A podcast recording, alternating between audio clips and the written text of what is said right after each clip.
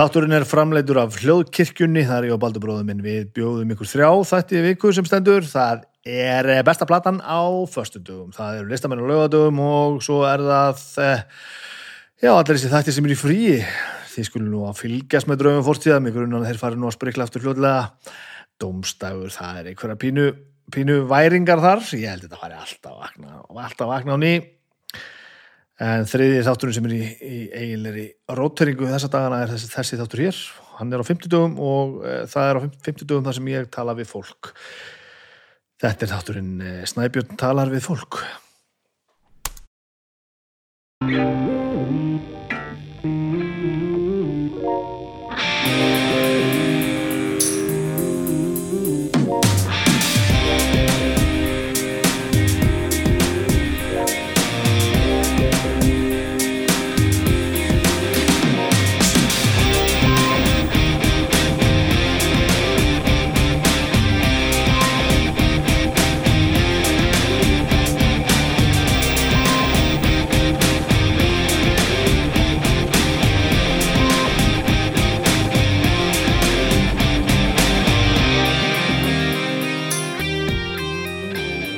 Komið sæl, velkomin í þáttu minn Snæbjörn tala við fólk.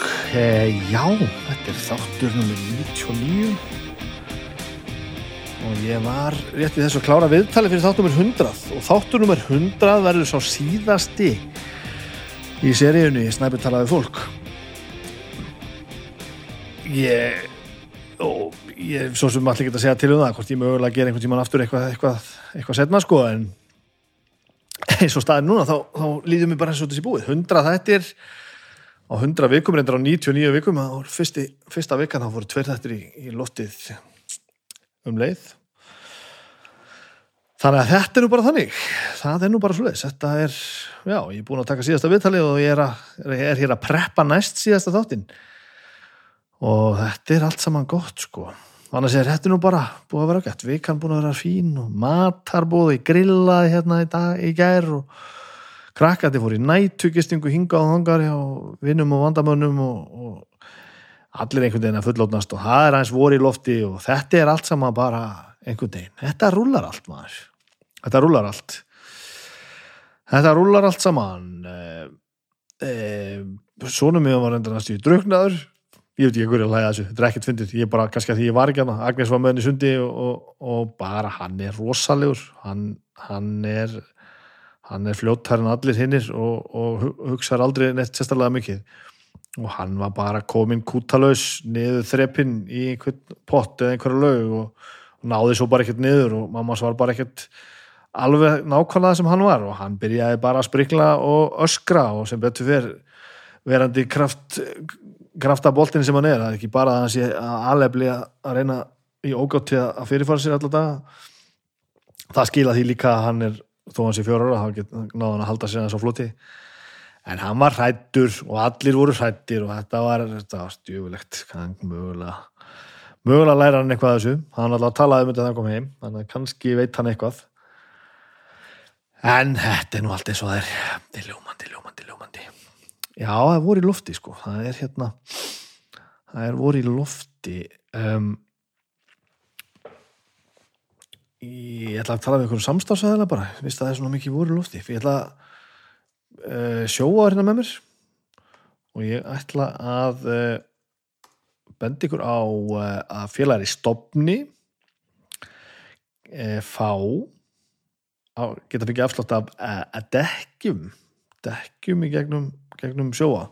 Þannig að þið farið inn á sjóa.is og, og þá getur þið skoða alla samstagsæðila dekja samstagsæðila og farið á rétta staði og fengið rétt dekk fyrir, fyrir betri pening.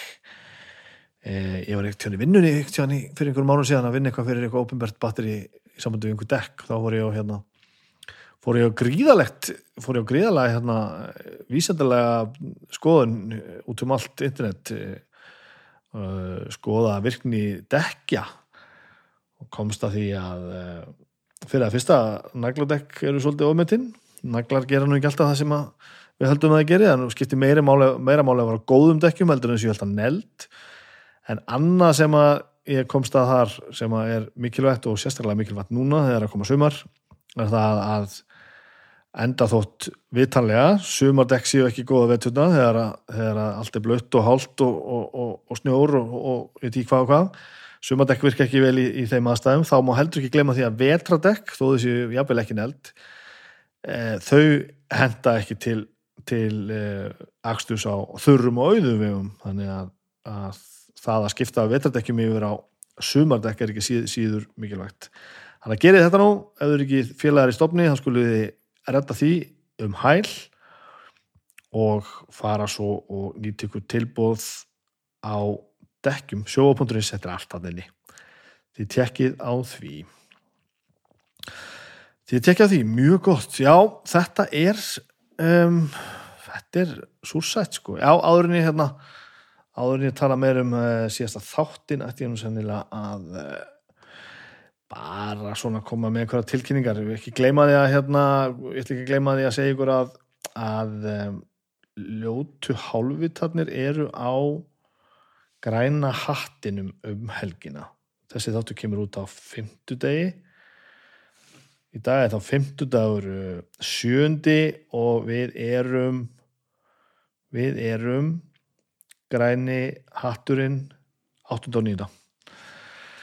Först á lögdag, þannig að þið skulle endilega tekka því, það er ennþá til miðar held ég á grænihatturum.is eh, eða ekki, ég held hann og samt held nú örgulega að sé ennþá til miðar þetta er bara þetta er bara eins og alltaf, þetta verður bara hryllilega gaman, við erum aðeins svona eitthvað fyrkt í prógraminu og reyna að gera ekki, við erum ekkert alltaf að gera það sama. Þannig að það er í burðalinum, ekki gleyma því. Um, þetta er þá á morgun og hinn ef það er hlust á, fimmdegi uh, í kvöld 7. april er ég að taka viðtal uh, í við, á Facebook síðu hljófarásins, það er hljóð og mynd. Þannig að tekja á því fyrir hljófarásið og um, það er það er alltaf að taka viðtölu við, viðtal við Jakob Smára Magnússon. Þannig að það verður ekki leiðilegt. Það er klokkan átta í kvöld ef þið að hlusta á fimmtegi, annars er þetta þá bara til á nettunni ef, ef, ef þið mistuð á sér beinni. Það er gaman að horfa í beinni, ég finna á fólki, það er það skemmti sig við að sjá þetta í beinni. Það sem allt getur gest. Þannig að þetta er svona, hótt hljófarhúsins í kvöld, fimmtudag, græni hatturinn, först á lögdag. Tjekkið, tjekkið, tjekkið á því. Um, já, síðasti þátturinn næst. Þetta viðtal við Magnús Blöndal áðan var ógeðslega skemmtilegt. Uh, þið fá að heyra það þetta viku. Ég ætla nú að bjóða ykkur að, að senda mér skilaboð, sko. Bæði bara al almenna kveður og svona, en, en ég ætla að bjóða ykkur að senda mér spurningar og fyrirspurnir og ég ætla svo að svara svona einhverju góðu úrvala því fyrir næsta þátt, þess að í næsta þætti, bara fyrir vitalið. Þannig að ef það er eitthvað sem einhver liggur á, á hjarta, einhver spurningar, já, eða bara kveðjur, sko, ég tek líka við kveðjum, þetta er alltaf leið. Þá get ég sendt mér það sett mér það bara í Facebook síðuna, það er ágætt, eða bara Instagram, eða bara einhver staðar að þið finnir mig, ég finni, ég sópa þessu svo bara saman og, og kem þessu okkur form. Kem þessu okkur form. En það verður þáttur hundrað. Það verður þáttur hundrað og þá er þetta komið gott, en í dag er þáttur 99 og það er ég og Latti. Þetta, þetta var nú djöfulsins standard, Latti ég þarf eiginlega að segja neitt mikið meira sko. Þe, hann er auðvitað náttúrulega bara hann er bara eitthvað hann er, hann er, hann er sín eigin heimsálfa sko. þetta, var, þetta var ótrúlegt viðtal. Og bara eitthvað neginn við fórum um við að völl svona mest á, á svona kannski veist, hugsandi og alvarlegum nótum en auðvitað náttúrulega sprell og stuði í kringum þetta líka. Eða það er miður eitt sem að þið fáið ekki að, að sjá að þið er nú ekki mynd með þessu. Það var, voru mómentin þegar að, að, að þegar að Latti að svona datta aðeins inn í karakterina sína svona einstakar sinnum hérna. Og það er að sjá hann umbreytast gössamlega umbreytast í, í á, á sko sekundubróti bara í, í þessar, þessar persónu sem hann er búin að búa til. Og hann er bara, ég veit ekki eins og hvað hann er sko. Þetta var ótrúlegt viðtal og ég er ótrúlega ánæður að hafa náða að koma þessu inn.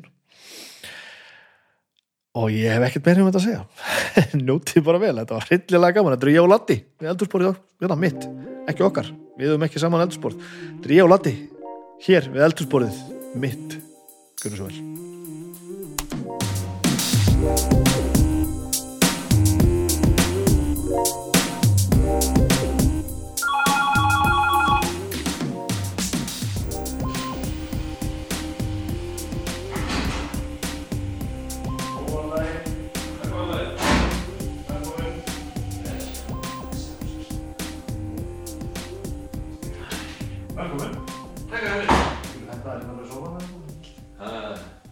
Já,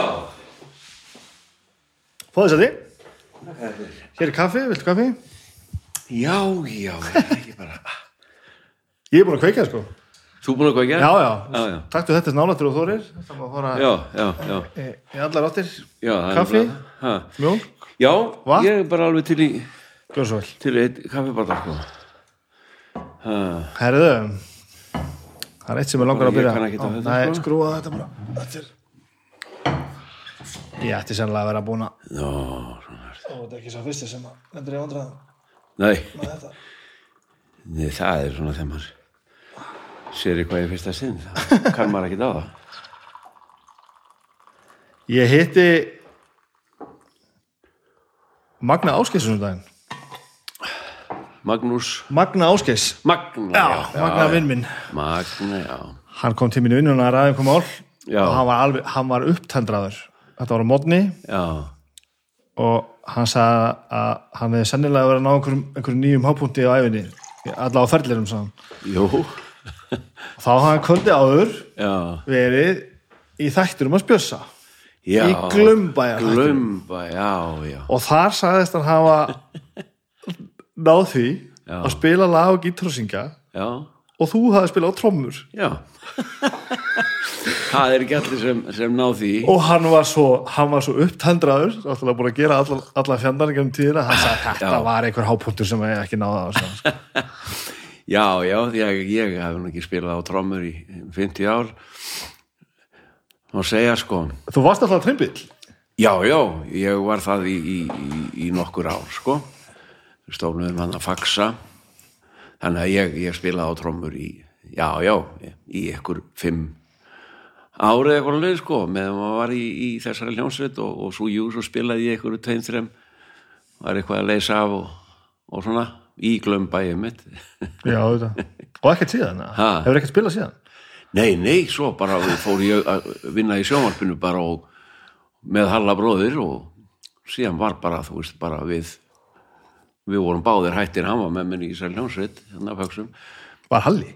Já, já, hann var söngvari líka, já, ég byrjaði sem trommuleikar og söngvari en svo kom Halli inn í þetta. Ég, ég var ómögulegur í að að spila og syngja og tromm, ég sagði bara að það er annarkort lætur undan sko.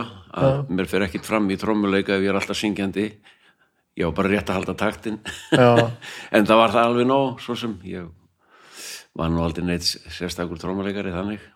Það, ég, svo fór ég að horfa á þetta já, þetta virkaði ansi sannfærandi. Já, já ég, ég held taktinu með þá og heldur þess ekkert við, hefur ekkert spilað? Nei, ekki neitt, ég hef aldrei átt trommur síðan bara 1970 þetta er stór merkilegt Já, því ég, sko, ég hef alltaf sagt að þetta er ábyggilega eins og að hjóla, þú, þú gleymir ekki þessu, en, Meni. En það vantar svona liðleikan kannski, sko, Já, já, já. að gera eitthvað að stæla, þannig að ég þyrfti að, að ná mér í trommur og, æfa mig á því. en grúfi bara, grúfi var þetta allt saman ægilega var og bara og náttúrulega allir, allir auðljóstaði aðstæðum var allir í stuði, það var eitthvað svo merkilt að gerast þetta var eitthvað ógæðslega mér varst aðeinslega að þessu. Ei, það sást líka Já, já, þetta var skemmtilegt. Ertu þó músikant fyrst? Byrjar, byrjar það undan? Já, já, já, já. A- Og hvernig kemur þetta til?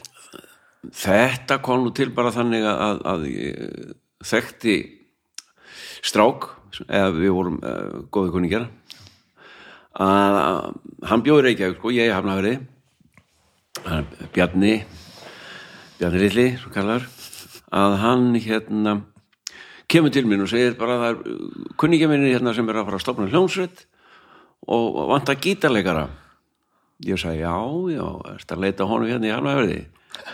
Ég sagði, já, það er þú. Ég er ekki gítarleikari sagði ég, ég átti gítar sko ég var búin að læra þrjú grip. Honum fannst ég æðislega klár. Þannig að ég sagði mér langar rosalega að fara í hljónsitt mér að vera minn draumur, ég ætlaði alltaf að vera músikant bara frá því á rúlingur ég kunni öll lögum, var alveg bílarnir og veit ekki hvað og hvað og hvað. Ok. og hann er ég fyrir með honum. Hann ætlaði að vera trómuleikari sko. Hann allar trófleikir? Já, og við vorum búin að vera sko saman uh, að, að tromma svona á stóla og dótari sko, við vorum bara svoleiðis. Skólaborðin maður. Já, við vorum allir í stólunum og alls konar svoleiðis. En hérna en það kemur í ljós bara á æfinguna að ég er engin gítarleikari það átti oft að vera sól og gítarleikari sko. Og ég kann, kunni bara þrjú gripa þeir sendu mig heim með stóra bók svona 5000 gítargrip og hljómar. Og sagði farðu með þetta og hitt okkur í viku. Og þegar ég kom í viku að þá náttúrulega kunni ég ekkit meira. Kannski búin að bæta einu hljóm við eða einu gripi. En Bjarni get ekki komið að því að hann var byrjað að búa með einhverju konu og fekk ekki vera með. Þannig að ég sagði bara má ég pant vera trommalegari þannig að þeir eru orðin sæmilega fullotni ha, eru orðin sæmilega fullotni já ég er, er 19 ára hana já, ok. Já. já, ég er 19 ára og hérna ég spyr bara hvort ég megi ekki bara pröfa það því ég get ekkert á gítar ég, og vissi það fyrirfram og pröfaði það og það gekk sko. Strax bara? Já. Bara leið og ég bara þú veist bara einhvern veginn að ég var búin að vera að tromma og svona þá einhvern veginn ég var búin að vera að hlusta náttúrulega alveg mikið á músík og, og þetta gekk einhvern veginn upp. Ég bara labbaði, ég settist við trommunar og, og einhvern veginn það gekk bara. Ég gætt spilað. Þetta rennir samt stóðum undir eitthvað sem ég, ég er búin að segja í, frá, frá upphæði að því ég finn nú ekki dósip að leiða þú, ég tromma á stólbökk og, og skólaborð og, og hlusta og fylgist með og stopna hljómsýttir og allt. Já, ég er búin að gera þetta frá því ég var ég er 44 ára, ég er búin að gera þetta núna í 25 ára allavega, meira já, já, meira, 30 ár.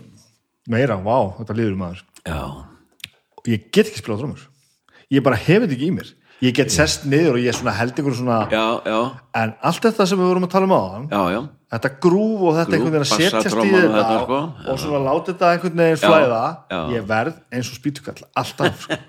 já, já, og ég, ég er með þessa tilgóttu bara annarkost hefur þetta þú hefur þetta ekki, sko. svo getur spilað á þetta fjandan annað sko. já já, já, það sem ég get ekki sko, í raun og veru mm. Ég, hef aldrei orðið almennilegu gítarleikari. Ég bara kann nóg til þess að, að ég get samið ykkur ykkur þryggja fjóra hljóma lög. Margir hafa nú farið helvítið langt af því. Já, já, það var eitthvað sem sagði mér þú þarft ekkit nema þrjá hljóma. Svo segi ég alltaf bara sko við strákana Gunnar Þórðar eða þá, þið bæti svo heinu hljómánum við sem hérna inn á milli. Og Sér, þeir gerðu það. Sérfræðingur þess að bæta við hljóðum já, hann bætti vel við hellinga hljómum sko já, já, en þetta var mjög gaman. En hvaðan kemur þetta, þessi, músík á því? uh, ég veit það ekki beint sko. Ég, uh, það nú eitthvað úr, úr föðrættinni að uh, pappi og afi og þeir þeir sungu í kór og svona en, en samt samt er engin mikil músík sko. Nei, við bara fengum þetta bræðurnir einhvern veginn. Við vorum fjórir bræður en bara ég og Halli bróður við fengum þessa músík og það var ekkit í hinnum tveim sko. Hann elstur og ég yngstur henni tveir á milli þeir ekkit þeir voru ekkit sko. Gáttu, gáttu allar sungið sko. Ok. já, skrítið. Áhuga já, við báðum með þetta. Og, hvern, og hvernig hljómsut var þetta þá? Er, er, er þetta svona þetta var bara bíliljósut bara, við bara spiluðum á böllum og segðisverði bara alveg heilt sömar eða ég sem sagt ég uh, var hérna það kom í ljós sko þegar við vorum bara og alluðum að fara að, að syngja lögin. Ég var svo eini sem kunni alla texta og all lögin þannig að ég var að syngja líka og tromma sko, Já, já, og var nýbyrjaður að tromma þannig að og svo bara eftir sumar ég sagði bara þetta er ekki hægt, ég var þegjandi hás bara alltaf. Og hittum svo Halla bróður, þá var hann sölumæður kom þarna við, hittum hann á eigilstöðum við vorum að spila þar og hann kom inn og ég sagði, Halli minn þú voru að redda mér hann kom og söng nokkuð lög þá var hann búin að vera söngværi sko í hljónsettum sko fyrir austan fjall Já, ok. og, og mér í Texas í Texas? já, já, hann fór til Texas eitthvað alltaf var í skóla þar og svona og kynntist þar mönnum sem voru í hljónsett og hann- hann gerði söngvari þar Halli and the Hobos er, er eitthvað til? bara ljósmyndir eða eitthvað? Ég, það er ég, hann ná ykkur eina eða tvær ljósmyndir frá, frá þessu. Hvað sagði, Halli and the, Halli and the Hobos. And the Hobos? já, já, já, já, já, já, já ekki vissi var þetta, nei, það er ekki margir sem vita þetta. Og hvað verður svo að þessu bandi? Þetta, þetta eru nokkur ár. er, já, sko, við vorum hérna allt sömari, þetta var stopnað við vorum alla búin að æfa nokkur lög þegar hann búin að ráða okkur á Páll Dungal, búin að ráða okkur á Seðisverð til, til að spila þar allt sömarið bara. Og það var spila á hverju kvöldi, sko. Næstum því, það var síldin og þetta og ég vann á síldaplan á daginn og, og, svo, og svo komum við í bæinn og, og þá var svona verið að aðeins að stokka upp sko, gítarleikarin sem var auglýst eftir sem var reyndar uh, kunningi Hallabróður sem kom og spilaði með okkur hann fyrir austan að, að hann þótti ekki alveg svona, hann var ekki alveg fjall ekki inn í hópin einhvern veginn. Og þannig að það var kynntust mannið hann á Seðisvöri sem var að vinna þarna Tómas Sveinbjörnsson sem var ráðið þá sem gítarleikari. Og Halli þá kom inn sem söngveri þannig að ég fengi nú svona smá pásur. Þannig að við sungum bara saman rödduðum og, og, já, já, og það. Þannig byrjaði nú okkar svona samstarf. Og þá vorum við bara að spila í þórskapi og frumsami dótt eitthvað? Ha. er þetta eitthvað nei, frumsami nei, nei, saman. nei, nei, það var, jú það reyndar að kom eitt lag sem var frumsamið. Eftir sjálfa mig eins og svo sem ég segja. Þá var ég byrjaðar eitthvað að, að svona og samt eitthvað eitt lag, eitthvað svona hippa lag. En þarna kemur Al Bishop inn og við förum með honum. Al Bishop hann í Deep River Boys. Aha. hann að negra söngværi sem má ekki segja. Hvað ég var að segja? Ég veit það ekki. Já, en það mátti þá.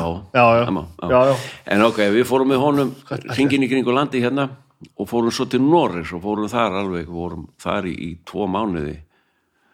Og þar fór ég heima því þá var ég búin að eigna strák og, var bara, og ég var að læra á húsgagnarsmiði og það var bara sagt viltu drulla þér heim? og hérna fara að vinna og sjá fyrir fjölskyldunni.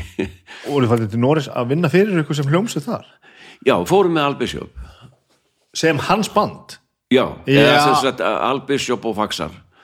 Við spilum undir hjá já, honum. já, hann var með sjó og svo var ball á eftir og hann alltaf söng og við, þá tókum við sungu við líka og vorum með ball og svona og hérna.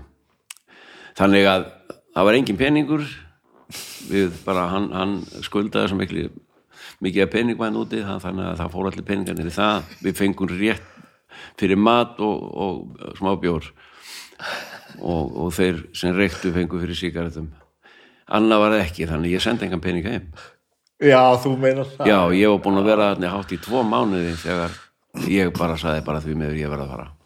og súr með það? Ha. varstu súr með þetta mál? Ég? Já. Já, já, mér fannst það svolítið uh, fúlt en, en, en uh, það, ég varð að gera þetta. Svo kom bara trómalíkari frá Íslandi og tók við. Og hérna, og það var óskup lítið sem ég trómaði nú eftir það. Þetta var held ég eitthvað uh, 78 eða 9. Þannig að það var eitthvað smávegis þarna sem ég fór inn í, í tvær hljónsveitir, eitthvað smá tíma. Mhm. Svo bara var þetta búið, hættur.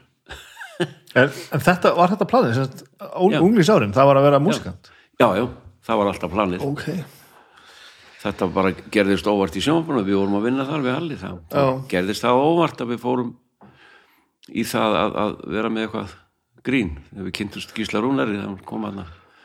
það var ekki hægt annað að vera mikið grín það var ekki hægt annað nei, ég segi það, hann bara uh, reyf okkur með sér og, og það var ekki aftur snúið. Ég heyrði þið einhvern tíma að segja að þú ættir alltaf eftir að gera sóluplötuna Já, sem, sem væri ekki grín já, sem var Dejo, platan. var hún uppalega þannig? Já. já, já, já. það heyrist nú líka svolítið á henni Já, Gunni Þóru, það var fyrsta sóloplatana sem ég samti öll lögin -hmm. og textana sko. já, nei, ég er nú að meina að meina að bara núna í setni tíð Já, man ég eftir að hafa-. Ég man eftir að hafa ég man ekki hvernig þú orðaði hana sko, en þú ættir eftir að, eftir að gera alvöru plötuna sko. Já, það sem ég fæ að gera því ég fekk þetta ekki Já. fyrir, fyrir Gunna hann sagði þetta er alveg, jú, jú, þetta er alveg þokkar og svo kem ég með, með textana hann sagði, hann sagði, lætum minn það, já, vill engin hlusta á þetta, þetta er allt og alvarlegt settu smá grín í þetta, komdu svo að tala um mig já, að hún átti að vera svona plata Dejo. Já. Já, já, en þá varði ég að setja því og breyta textunum og í eitthvað grín það verður alltaf að vera grín er það? verður alltaf að vera grín Nei, ég segi það, en það var sagt þá það verður alltaf að vera grín ef að ég er að gera eitthvað já, já. en ég veit ekki hvort ég get lift mér það kannski núna þú verður að gera það Já, ég man, ég man nú sagði þetta sko, að þið Já, langaði já. til að gera þetta Já, og ég já. alveg bara Já. að því að Já. eins og, eins og grínið er nú gott sko, þá er sumt af því sem að ég man eftir því sko, sem að já, er minna fyndið sem Já, að já, nær já, mann einhvern veginn já, meira sko. Já, já. Maður, ég sé til bara með þetta. Það er aldrei að vita. aldrei, aldrei að vita, ég vil ekki lofa neinu nei, hvernig hérna hvernig er þá hvernig bara eru æskórunum uppeldið? Er, er þessi list og ég meina, ekki mikið tónlist? Ég, nei, nei, bara, ég var bara, bara að hlusta á útvarpi bara og það var Radio Luxemburg og Kannan -hmm. bara það var bara það sem maður gerði. Það var, það var engin tónlist í kringum mig sko í raun og veru. En leiklist og, og svoleiðis er, Nei, ekki Nei, neitt, ok. ekki neitt sko. nei, nei. ég vil hafa merkilegt. Þetta bara kom algjörlega óvart allt saman. Já, já, og alveg upp í hafnafrið já. Já, já. Þetta er svona hvernig var það á þessum tíma? Hvað gerðið maður þannig Í hafnaverið, maður bara vann í fiski. Það var, var aðalega sem gert í hafnaverið, það var bara fiskvinnsla út um allt. Já, og ég og, og vinni mínir við byrjuðum mjög snemma bara 14 ára 13-14 ára fórum við bara að vinna í fiski bara alveg eins og vilsingar. Mm og hérna og já, í, í, nokkur ár hangur til maður, maður fór í yðskólan og alltaf að fara að læra eitthvað sem hétt möblusmiði þá Ketta það, mublismið já, það var kallað möblusmiði þótti voðalega fínt. En svo er þetta bara breytt yfir í húsgagnasmíða því að það var minnst smíða af möblum. Þetta voru aðalega klæðaskápar og eldursinreitingar sem ég lærði. Já, já. ég lærði ekki að smíða neina möblur. Hver er hva- hvað er mubla? hvað er möbla, það eru, það eru náttúrulega stólar og sofaborð og, já. og svona eitthvað útskorið og ég veit ekki hvað og hvað. Svona rendarlappir og, en það, það er alltaf lægi ég en það kláraði ég það aldrei þá var maður komin í, í bransan bara. Já, já, já. Af hverju hérna fórst í smiðina? ég bara ég veit ekki, það var eitthvað mér langaði til að vera smiður, pappi var náttúrulega var smiður hann var reyndar húsasmiður. Og en uh, það var eitthvað voru fínt, hann var að vinna þegar hann kom inn í bæinn. Hann er nú að austan sko úr Angavallarsvíslunni en kom hérna í bæinn með, með mömmu hann kynntist henni þarna hún gerist vinnukona hjá sagt Ava landiðum og þau byrjuðu að vera saman og svo fluttið hann til Hafnafjörða með henni og átti okkur fjórastrákana svo ég var ekki nema þryggjára þegar, þegar þau skildu og hann fór austur, hann var reyndar alltaf fyrir austur, hann var alltaf að smíða þar hús og dótari, en vann hérna í bænum þá vann hann á einhverju svona ekki, svona möbluvestæði í Reykjavík. Og það var eitthvað sem okkur fannst voru fínt, eitthvað möblusmið og, og í Hafnavörðum var ein húsgagnaverslun húsgagnaverslunar Hafnavörð var þar og þetta, mér fannst þetta eitthvað voru flott eitthvað. Húsgögn og húsgagnasmíði möblusmíði þetta var eitthvað. Þannig að ég fór í það já, já. en já, ég, ég hætti eftir þrjú ár. Já, já, já. Eru þá eh, búið þá hjá möm, mömmu ykkar?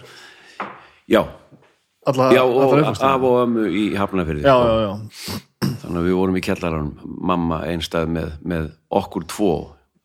Hinnir eldri fórum með pappa austur Halli sem bróður og Valgarður. Og Halli ólst upp hjá Ava í Östurlandi já, og hinn bróður minn á, á næsta bæ bara, vinnahólki því pappi mátti ekki vera svo hann var út á söður smíða enga og þangað. En sambandi sem þetta haldist þetta vel allavega, á millika bræðurna Já, já, ég fór alltaf í sveit á sumurinn til af og Já, já. þá hitti ég Halla og þá. Þá hittustu bræðurnir. Mm. Já, já og hvernig flostaru, eða flostar hvernig, hvernig hérna, hverju hættur í náminu þá? er það bara, slær það saman við Já, sko, þá, þá var ég komin í þessi hljónsveit og svona og, og uh, sem sagt það var hringt í mig eða, eða sendt bref til Norris og mér að drullast með heim og, og klára möblusmiðin og, og, sjá um fjölskyldina en ég klára það ég átti aftur eitt bekk í, yðskólanum og, það var orðið það langt síðan ég hafði verið nokkur ár og ætlaði svo að taka þann bekk í Reykjavík, var ég í skóla hjá Já, en þá þurfti ég bara að vera með stúdinspróf þannig að ég var ekkert með það. Þannig. þannig að það datt upp fyrir og ég var óðalega fegin bara. Lausu, lausu það. Ég, ég var aldrei vel við, við skóla eða svoleiðis. Miklu Nei, skemmtilega bara að vera að spila á trommur og, og svoleiðis. Va varstu fyndningurinn sem barn og unlingur og svona, varstu Já. þessi grínari? já, Ok, ég var alltaf finnistrákurinn í hverfinu og, og það var ka- kannski var það út af því að ég var uh, feimin og svona. Og til þess að vera ekki ég sjálfur þá var ég með alls konar rattir og karaktera og svona dótari sko. og með fíblalegði og, já, og já. Ég hugsi, ég hafi þótt eitthvað skrítin bara sko. því að það var mér- var stríkt svolítið svona, eða þú veist það var svona einelti. Mhm. eitthvað ég, ég væri eitthvað fáviti sko því var alltaf að fýblast. Gæti ekki verið ég sjálfur. En já já. Og eitthvað sem, e- eitthvað sem bara tengir hennilega saman þú heldur bara áfram út í gegnum allt eða? já, já, já. En nú kemur ekki þannig fyrir þegar, þú veist, þegar maður tala við maður og er ekki, þú, veist, þú ert ekki svona þessi þessi svona yfirþyrmandi orku galgófi nei, nei, nei, alls ekki alls ekki, sko, langt því frá ég var bara þessi hef alltaf verið þessi róli bara fimmni maður. Já, já, þetta var meira, meira svona þegar ég var lítill sko, að vera með fíblalætin til þess að að fela bara feimnina og þetta þá var ég bara með og var náttúrulega virkaði bara ábyggilega eins og hálfviti sko. Já, já, já, já, örugglega. já, já, það var bara fínt. Og hvaða leið hérna ferði svo hann í rúf um, er þetta ekki leikmunadeildina rúf? er þetta ekki munna? Jú, þetta var, við byrjuðum að vinna í, í sjónvarpinu, Halli byrjuði á undan mér og, og ég fekk svo vinnu þar svona sem allt múlimann, svona smíða, mála og, og það, ég var náttúrulega búin að vera að smíða í fleiri, fleiri ár, sko, ég held áfram að vinna á, á, á svona verstæði, sko, að- að að smíða eitthvað þó ég væri hættur að læra. Þannig að það líði á svona á milli eða? Já. Og þá var orðið minn draumur að fá að komast í, í, í leik og svo smíða leikmyndir sko, svona, en komst þarna inn eigin út á það að ég hérna var að vinna í kassagerðinni þá. Út af teikningum sem ég var að, að alltaf að teikna, ég var alltaf að teikna menn og svona. Og Halli bróðir ég var búin að segja þú voru að retta með vinna þannig sjónvarpinu. Eitthvað, ég- leikmyndir og svona. Og hann kemur með yfirmann sinn þarna sem er, var myndlistamæður og hann sagði ég ætla að kynna bróðum með vinnir hérna og komið þangað. Og þá sér hann þessar teikningar. Strákarnir hengdu upp, sko, ég hendi þeim alltaf. Hvers konar tekníkar? þetta var bara portrait eða svona andlitsmyndir sem Já, ég teiknaði að þeim sko. Svona bara þú veist vangarsveipur og svona ég var nú ekkit góður í þessu þá. En ég var alltaf teiknandi. Og hann bara sá þetta fleiri og fleiri myndir sem voru búin að hengja upp og hann sagði svona menni ekkert að vinna í kassagerðinni sko. Það, þeir eru að vinna í sjónarbuna það er, það er svona staði fyrir listamenn. Þannig ég fekk vinnu strax. Út á, út á myndið þar út á myndirnar í raun og veru sko. Og þá að gera hvað? Hva, hvað þá var ég bara uh, smíða, mála uh, hérna mála leikmyndir skilur bara þú veist mála gólfi, stúdíói Já, já, já. og bara aðstóða aðstóða Halla, hann var í leikmynda dildinni og bara ég var svona sviðismadur, svo kallað er mm. -hmm. rað upp kossum og mála gólfið og, og bara það sem vantaði Bara ganga. svona allt múlimann, ég var kallað bara fyrsti sópur, eða fyrsti kústu sig þannig ég sópaði gólfinu og, og svona varstu, þannig að þú komið fjölskyldur og allt saman. Ha, já, já, þannig að þú bara að vinna fyrir bara, vinna fyrir saltinu bara. Já, já, hann er ég komið með, með tvo strákar sko. Mhm. já, já, já. Þannig að þannig byrjaði þetta allt saman. Og ertu þarna, þegar þú kemur þarna inn eitthvað farin að hugsa um það að vera á sviði eða fyrir frá myndavel eða Nei. performera Nei, fyrir utan músíkina? Nei, nei, þarna var Aldrei ma- ma- maður var ennþá nei, nei, maður var ennþá að hugsa um bara um, um tónlistina sko. Já, það er ennþá það er ennþá þarna og, og, og þú veist og ég var bara farin að spila svolítið og, og reyna að semja lög og, og svona. En það er ekki fyrir en bara að, að þarna að náttúrulega bara fíblalæti í okkur bræðrunum sko. Náttúrulega grínið í okkur og aðalega mér sko æsti halla upp í að Flósi Ólarsson er þarna að gera áramáttuskaup hann byrjaði að snemma á því og ég heldur bara 69 sem hann byrjaði að gera áramáttuskaup og þetta er 1970 eða 71 sem hann fær okkur til þess að koma í að það verið að nota þessi fíbl hana. Við þóttum voðalega fyndnir og eitthvað. Þannig að hann fór að nota okkur smávegis bara í einhverja þætti bara svoleiðis byrjaði það og, og síðan kemur glámur og skrámur röddinn og þetta og, og við fórum að vera í áramáttasköpum svona og einhvern þáttum og, og svo kemur Gísli Rúnar hann inn til að gera eitthvað búið til kaffabrósakallana og þá fyrir ég að vinna með honum í því og þá fyrir við að ákveða búa til eitthvað saman fyrir sjónvarpið og Halli kemur inn í það líka og, og, þá bara var þetta til Og ertu ennþá fyrsti kústur þarna? Ha? Ertu ennþá fyrsti kústur þarna? Já, ég er ennþá að vinna, við erum bara að vinna það líka og það var nú ekki vel séð að við varum bæði, bæði fyrir fram og aftur myndavélina en svo byrjaði bara fólk að ringja upp í sjónvarp og segja hvort það var ekki hægt að fá þessa bræður til að koma á ársáttíð og við náttúrulega heldum nú ekki að við, við varum ekki einhverju skemmtikraft og við vissum ekki einu sinni hvað það var sko, þá voru nú bara til einhverju skemmtikraft sem voru svona eftirhermur sko. Jörundur Guðmundsson og, og fleiri. Ómar Ragnarsson náttúrulega var með okkur hana það er einu sem við þekktum. Þannig að við neyninni svo bara var verið að bjóða okkur peninga fyrir þetta. Þannig að við þurfum já, heyrðu, það er alltaf að borga fyrir þetta. Þannig að við pröfum þetta og, og það bara klúraðist allt og við sögum neyninni, við vissum það, þetta var gekk ekki nema það var eitt stafi sem við áttum eftir að fara og það var í Hafnafjörð okkar heima bæ eða minn. Og þar slóðum við í gegn. Þá segðu, ok, haldum áfram. Þá vorum við með öðruvísi þá vorum við með mæm, svona Spike Jones og Já, þú já, veist, kliftum saman alls konar búta og, og mæmuðum það.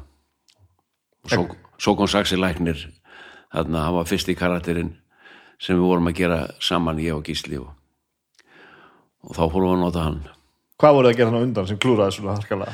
það var bara það var bara ekki rétt í salurinn sko sem við vorum með, það var bara, bara eldra fólk, bara ykkur elliheimili. Já, en sama prógram. Þetta, Ha, þetta nákvæmlega já, programmi. bara það botnaði ekki því þetta var Spike Jones sko svona sko, hermettir ykkur og þar stóð bara upp gamall maður og sagði, hvers konar helvítis fíblalæt eru þetta og við bara vorum með segulmann sko. Slögtum á því bara og sem takk fyrir okkur. Og fórum.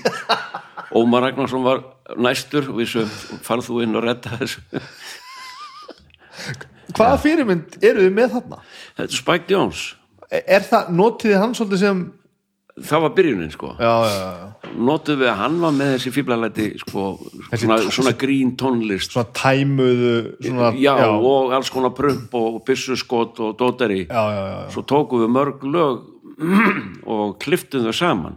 Þannig að kom alls konar skipti yfir og það var það sem var svolítið fyndið. Og, svo einhver prump og, og dótari Þið bara með kassutækin heima? Við vorum bara með, með svona sjálfband, sjálfbandið Já, og tókum upp sem sagt, tónlist og svo kliftum við bútana saman. Þeir, og kom bara þetta lág beint yfir í næsta lag, þeir raunverulega splæstu saman teppi já, splæstum saman já, Já, hérna. Alveg í svona, þetta var svona sek, sjö mínútna svona teip sem við lærðum svo utan að bara og, þetta þótti rosalega fyndið þá. Já, og er fyndið þetta er vel já, gert. ég held að, ef, ef þetta er vel gert sko, já, og við vorum búin að ágætist tökum á þessu. En þa- Þarna ertu ennþá ekkert orðin einhver Þú ert ekkert fann að hugsa um að það var einhver grínisti Nei, nei, ekki neitt sko.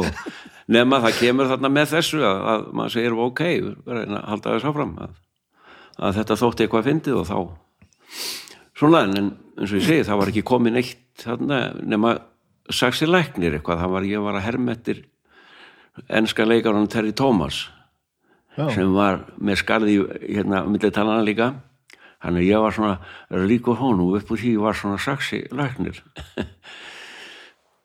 og svo bara eins og maður segir þetta, svo fór þetta bara að koma maður fór að búa til einhverja öðruvísi karaktera og svona bara til að gera eitthvað fyndið Er fyrirmyndi, fyrirmyndi að þessu að að koma sér upp svona galleri af karakterum?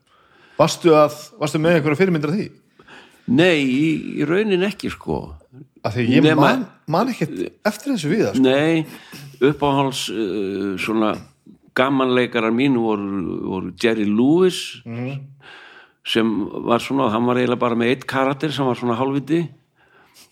Og, og svo var það uh, Peter Sellers. Já, þetta voru mínir svona aðal svona fyrirmyndir má segja. Og þeir voru svona og eiginlega Peter Sellers að búa til svona, hann var með tvo, þrjá karaktera svona, fór í ykkur gerfi já, sem ég fannst alveg rosalega fyndið. Og það var svona sem að, maður byrjaði á og Gísli Rúnar var náttúrulega uh, með mér í þessu. Já, já.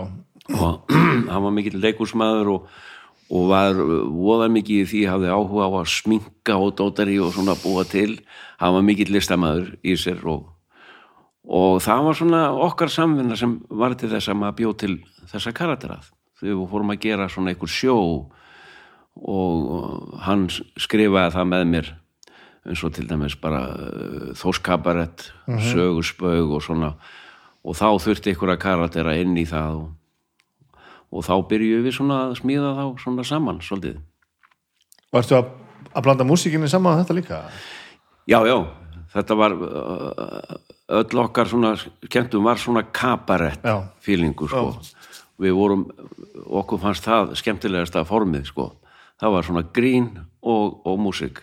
Og að skemmta fólki sem Já. er að, að bor, borða og drekka rauðvin borða og drekka rauðin já, og já. svona og bara, bara skemmta fólki hafa gaman og músík, dans og svona.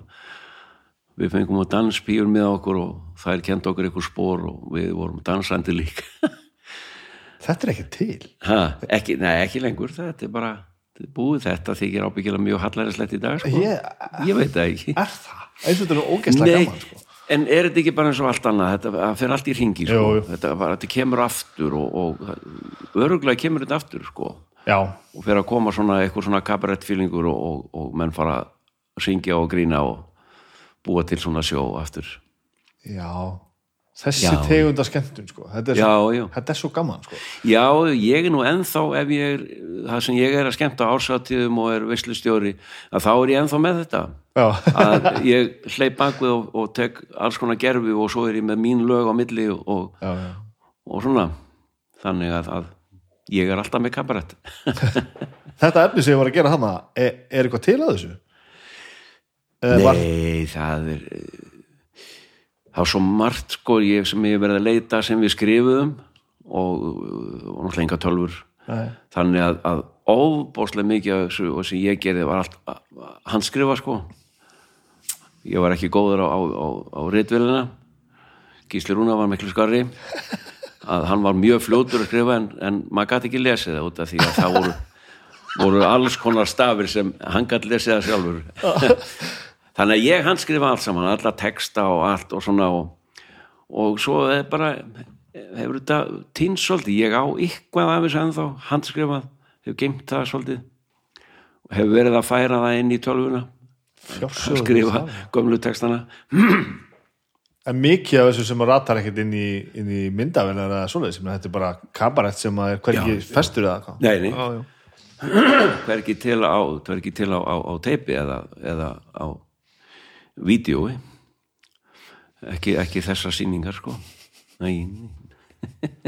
já, hérna. Já, já, Þannig að músíkin, já. þú, þú ferð ekki inn til þess að búa til grín tónlist. Það er ekki vingilin Nei. Vingitin er alltaf ég ætlaði að vera músikant og svona ætlaði að svona trúbátorinn var kannski svolítið svona sem var nú ekki til þá en þetta var svona það var uh, Bob Dylan Donovan -hmm. þessa, ég dyrkaði þessa menn sko ætlaði að spila svoleiðis tónlist sko svona segja frá og spila gítar já, Já. já, það var svona sem ég langaði til að gera og hvenar festur fyrst músík á teip þá? Það var, var ekki fyrir hvað var e, þegar við gerðum fyrstu plötuna bara hérna láta sem ekki sé ég gísli rúnar á Halli Já. það var 76 en það er grín. Það var alveg pjúra grín. Það er farið inn til þess að gera já. það var bara til að gera grínplötu og, og það var náttúrulega Spike Jones ennþá. Og við vorum að taka lögin hans Já, já, já. og búa til íslenska texta við, við þau og Guðfinna og, og allt þetta og, og hérna. Og svo fórum við Halli að, að, að gera svona tónlist líka. Og þá var ég nú eitthvað byrjaður að semja átti nú slatta af alls konar hugmyndum að lögum og, og fyrsta platan okkar kom þá kemur austrustræti þær inni og svona. Já. þannig ég þóri að koma með það fram og, og segja hvort við getum kannski notað eitthvað af þessu. En eins og til dæmis austustræti já, ef, að- ef að afsakaðu, fýblagangurinn er tekin úr því já, þá er þetta Já. bara ansi mikið þungavægt að lag. Já, já. Það, Og texti á yfir, já, sko. já, það hefur nú oft verið nefnt við mig og mér er oft átt eða hug sko, að taka lagið upp aftur, bara búa til nýjan texta, bara allt öðruvísi texta bara og, sem er en, en eh, svona. En væri ekki ansi mikið af þessum texta sem geti bara staði Jú, sumt að þessu, þetta er náttúrulega sko pínu ádela í þessu náttúrulega austurstræti og, og rónarnir þar Já, svona, já. og bankarnir. En svo náttúrulega því að það ég let Móa gamla að syngja þetta þá er það svolítið svona karakter Já, sem er að syngja og kemur smá svona. En, en það er nú ekki mikið að fýblati í svo Nei, leið sko. að, en, já, já, en það líka lifir góðu lífi þetta lag, en þá ég, ég hlusta aðeins á katalógin sko, að því við sem Já. við fórum að horfa að tala saman og það eru alveg svona lög sem að Já. þegar maður finnur svona að, að svolítið eins og fýblagangurinn hefur settur inn í eftir á sko. Já, já, já, hann var ekki, hann var ekki hugsaður fyrst samt í lægi, sko. já, Það var svona, þú veist, uh, bara, það kom ekki fyrir en eftir á, svona, þegar ég voru að semja textan um hvað hann ætti að vera, en að, að það kom, sko.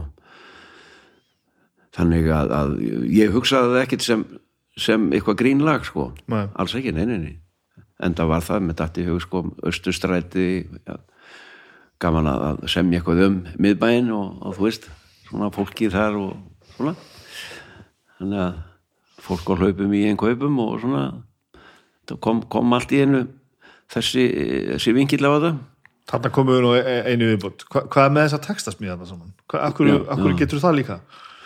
ég, það, ég hef ekki hugmynd að ég hef aldrei hugsað um það að ég gæti það en það, þegar við gerðum fyrstu plötuna ég og Gísli að við vorum með minnum átt að kenda gagvart því að skrifa ykkur texta þannig að við fengum náttúrulega Þi, Þorstein þið báðir? Já, þannig að við fengum Þorstein Eggertsson með okkur og látum sem ekkit sé að þá voru þar slatta textu eftir Þorstein ok, Eggertsson.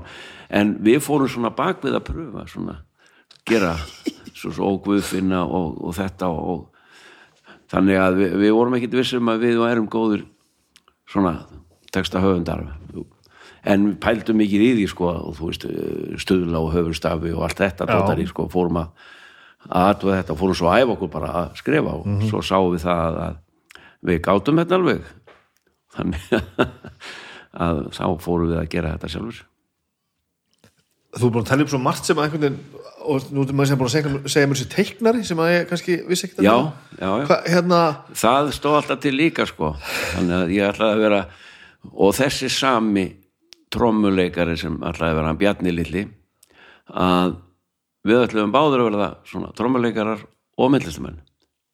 Og hann var myndlistamæður en ég var að segja að ég verði að geima þetta hanga til á efri árina því að það var svo mikið að gera í, í öllu öðru. Þannig að ég byrjaði á því núna ok. að mála. Já, já, já, ég er búin að vera með með nokkra sýningar sko. Allavega tvær svona ofinbella stóra sýningar síðastliðin þrjú ár eða tvö ár. Já, ok. Já, já. Og er að mála á fullu núna alveg ég, ég bara einhvern veginn að koma þessu he- heim og saman sko, einhvern veginn, Hva, hvað hérna? Þá, þá kemur þetta sem ég var alltaf að það er andlit á fólki, ég er ennþá í portrétt er að mála það svolítið núna svolítið betur heldur en ég gerði þá. Það sem ég teiknaði bara en núna er það bara oljumálning og, og svona. Þannig að ég er svona þróa mig, ég hef ekki ennþá komist í það að fara í skóla. Það er út af COVID, ég ætlaði að gera það fyrir þrem árum síðan að fara í myndlista skóla fara í myndlista skóla, já. Ég ætlaði að fara út í Spánar sko. Ég einhvern veginn kunni ekki við að eða á Íslandi einhvern veginn, ég gæti ekki hugsað mér að vera inn í stórum sal með fullt af Íslendingum sko, það væri einhvern veginn sá, ég fyrir mér eitthvað það var allir að fylgjast með mér bara því ég var nú ofþektur og það voru svolítið óþægilegt. Ég vildi fara eitthvað sem enginn vissi hver ég var. Og þá var það til dæmis ég bara í Madrid, Spáni og fara bara í full on myndlist, myndlistana Já, byrja allavega að taka uh, svona eina önn, kannski bara taka mánuð kurs, byrja á því. Og bara læra frá grunni að mála. Ég fór uh, þarna í kringum 1970 þegar ég var að byrja í sjónvarpinu. Að þá var ég mikið að hugsa um þetta. Og fór ég í kvöldnámskeið í myndlist og handíðaskólan og læri tekníku en svo fór það aldrei lengra. Ég ætlaði alltaf að fara í skólan já, en ég náði því aldrei sko, út af bara það var bara alltaf mikið að gera ég segi ég má ekki vera þessu, ég verð að geima þetta bara. Og bara ég var, var ofindin þarna á þessum tíma þannig að ég segi ég geimi þetta til að enginn vil hlusta á mig eða hlæja mig lengur að þá loka ég mig inn og mála bara þannig að þessi, að, þessi aðalferillin sem er þú grínið og, og, og leikurinn og þetta allt saman það er einhver svona þetta er einhver svona hliðarleið sem þú fórst á, á meðan þú ætlar að vera að gera allt þitt já, já, það má segja það já. Það er eitthvað, eitthvað svona, já, aðeins hliðarleið svona hjáleið. A- a- þú meiri sem búin að segja mér að hafa dansað.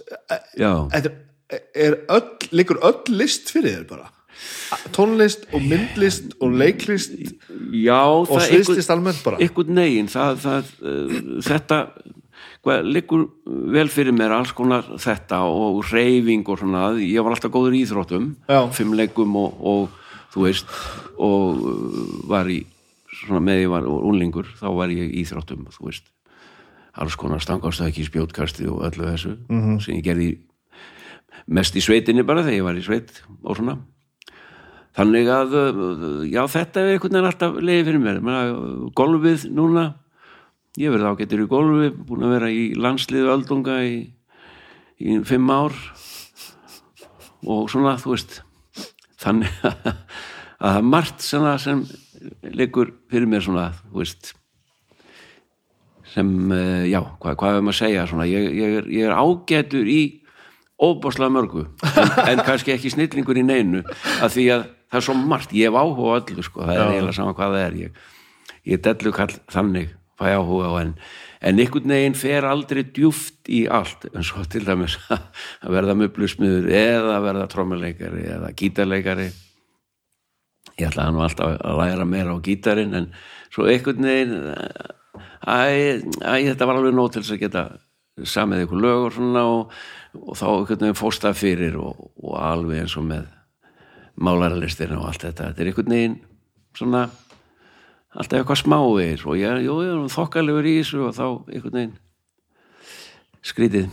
En svona er þetta. Ég er, ég er í og mörgu. Já, það dreifist á svo margt þannig að Þú lítur að vera lélugur í einhverju. Hva, hvað, er það sem, hvað getur ekki þá?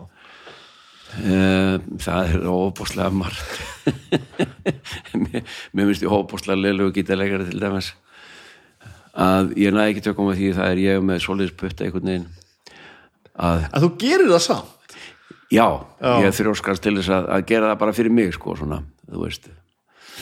Að, að, spila svona rétt bara til þess að geta samið og, og svo fer ég og læt kunningja minn eitthvað búa til demo með mér. Já, já. Þannig að þurka út minn gítarleik og svona Já, við þekkjum þetta nú já, já, en, en jú, jú, ég blessa ég, ég hlýta ára lélegur ykkur ég, ég hef ekki kannað það. Lengi. Um, Eitt sem ég fór að, þegar ég fór að skoða bara lítið yfir þetta allt saman. Afkostin eru þau eru rosaleg sko. Já, e,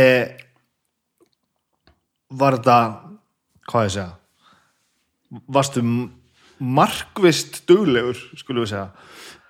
Að þegar maður sé svo marga margt fólk sem hefur svo óbúslega hæfileika og gerir eitthvað stórkustlegt og svo fjarar svolítið undan af því að Já. fólk vinnur hreinlega alveg vinnuna sína sko. já ég, ég hef alltaf verið mjög duglegur hef fengið það orð á mig. Ég er, ég er mjög yðin og duglegur við það sem ég er að gera. -hmm. og, og þannig að það sé ekki bara það, ég er svona ólatur já, má segja, já, og ekkert sem þetta hafa fyrir neitt sérstaklega. Þú bara, þú bara vaknar á móndana og það er bara Já. vaðið næsta verk já, já. Og við í það bara.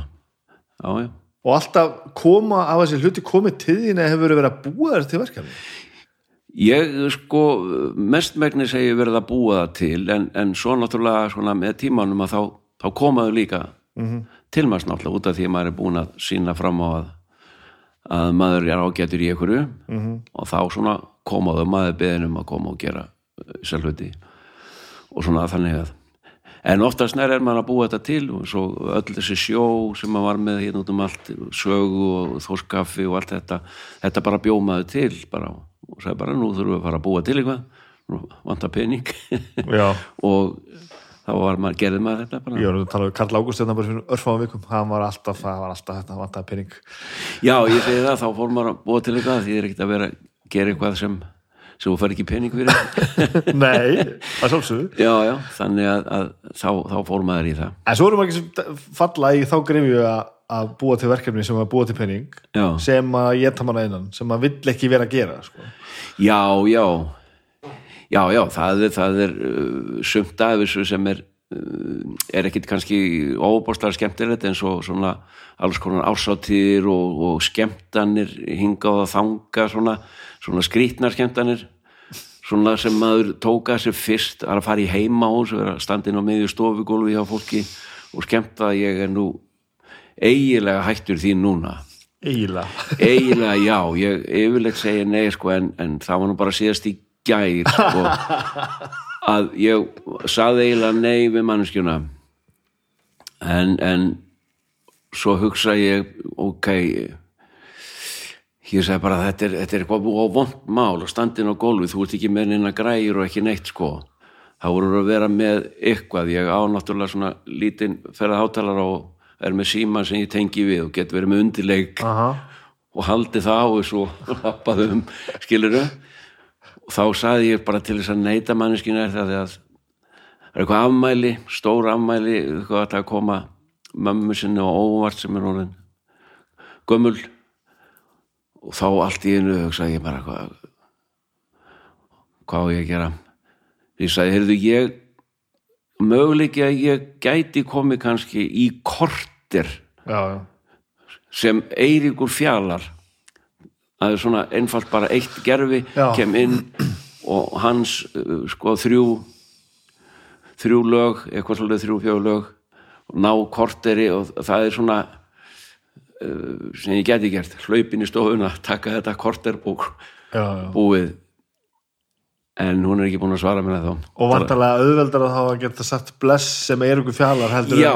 að þau eru að afsaka sjálfa burtu. já, ég, sko, ég gæti ekki farið ég sjálfur inn Nei. í svona aðstæður sko ok, það er bara málið, er bara þarna var ég aftur og hann litli latti sem gæti ekki verið það sjálfur og, og þess vegna segi ég, get komið sem Eiríkur Fjallar bara, þú veist en engin annar karakter, því Eiríkur er eini sem er með svona lög er svona já, söngveri já, já sem getur verið einn með sjálfum sér að skemmta. Já, hann getur verið með þessi lög með þannig, Tóti Tölvukall og, og þetta. Og ég læti hún oft syngja líka bara, þú veist uh, öðruvísi lög. Bara taka leið eins og til dæmi, hann hefur sungið sandala sko, svona í restina af þessum uppklapp. Þá bara, þá tekur hann sandala. Bara því lati gæti ekki komið þá tekur hann það fyrir hann en svona, þannig að ég, ég, ég hérna, já ég sagði þetta í gær og ég eiginlega búin að sjá eftir því strax. En ég líka sagði þá, ok, ég ætla að sjá hvað hún segir og þá pín ég mig í þetta, en það er líka allra síðasta svona inn á stofugólf Já, þú segir það núna. Já, ég, er búin að leita, neita ábúrslega mörgum núna undanfærin tvö ári, ég segi bara ég skemmti ekki í heimahúsi. Nei, nei. Búin að segja það og það er, það er svo óþægilegt og vond Já, ég get þetta ekki sko. Ég, ég á með að það er bara maður er með gítarinn að spila undir sko. Já. Það er eitthvað svona Já, Sumir fara svo lett með þetta maður. Já, já, sumir eru bara þannig sko og sem eru geta lappað inn með gítarinn bara og, og þú veist, bara staða á gólfinu bara og, og spilað og sungið svona sko, það, það er bara einhvern veginn. Að því hún tala um magna á hann til með sko. Vi, við, Já. við rættum þetta einmitt einhvern tímann. Já, hann fær bara það sem hún er fyrst gaman er Já. bara að láta fólk syngja og dansa og líða vel. Og það er bara nóg fyrir hann. Og, og ég skil, það er göfugt og gott. Já, já. en ég bara, þetta sígur úr mér einhverja orku sem ég á ekki til sko. Já, þetta, það er líka hjá mér, svo nefnir það sko, það bara sígur úr mér sko, alla or- orku. Bara, ég bara alveg, ég dey bara. En annar maður sem er akkurat svona eins og það er Eithor Ingi, hann getur þetta. Akkurat þetta sko. hann alveg fyrir létt með svona, ég bara því með ég bara er ekki svoleiðis. Ég held að, ég að mununum sé sko allavega og Magni lísti þessu og við vorum bara að reyna að krifja þetta sko. Já, að hann fær bara eitthvað út úr þessu. Hann kemur í að bara endur nærður tilbaka sko. Að meðan ég kem alveg tónur sko. Já, og ég kem alveg líka eins og þú búin og fyrir að hugsa um hvað jísri, þetta var alveg ég, þetta var glatað, akkur gerði ég þetta? Ég hefði að ekki, já, alltaf svona sko, og þetta lifir í mér í tvo daga. Þá er ég bara kemur ekki úr hausnum á mér að, að mér fannst þetta svo lélegt og, og, og lélegt hjá mér sko ég var bara ekki nógu góður og því að ég var bara var ekki í neinu stuði. Þetta bara, ég bara einhvern veginn deg þegar ég kem inn í stofu og það er bara allir sita svona og, þú veist kannski með eh, tertu og kaffibóla ammæli svona og það, það er engin stemning sko, einhvern veginn. Og þú, ert, þú þarft einhvern veginn að búa Já, ég, ég þarf að búa frá grunni að rífa upp eitthvað inn á miðjum stofugólu í ókunnu og fólki sko. það er óbærslega erfitt Já. nema Eiríkur Fjallar getur hvað, hann kemur hlaupandi inn bara og þú veist. Spólar fólk og spólar sko, þannig að ég get gert það en líka ég er alveg búin og eftir sko. Já. en, en já, þið líður alltaf vel með að fara á svið? Já. Það ég, allt sem er vel undirbúið klárt. Þetta á að gerast hér, þá já, er þetta gott. og það er klárt, það er búið að fara í gegnum það er búið að tengja allt og það er allt klárt já, já.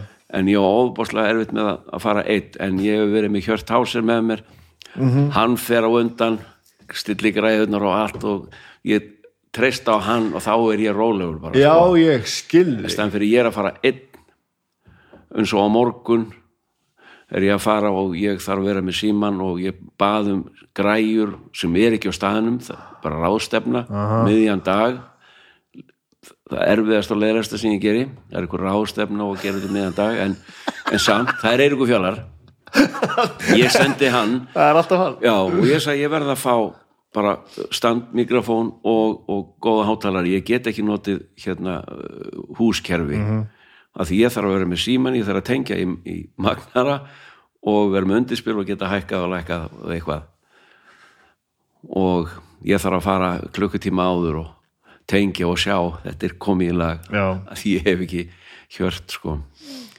Þetta er alltaf mjög erfitt. Já, ég, ég kannast við þetta sko. Það, einmitt þetta græju tal sko. Já þetta ég, er eitthvað sem að Já, og ég hef aldrei verið, ég, ég kann ekkit almennilega á græjur, sko, eða svona þessa, þessa uh, hérna uh, mixera og dótari, sko. Mhm.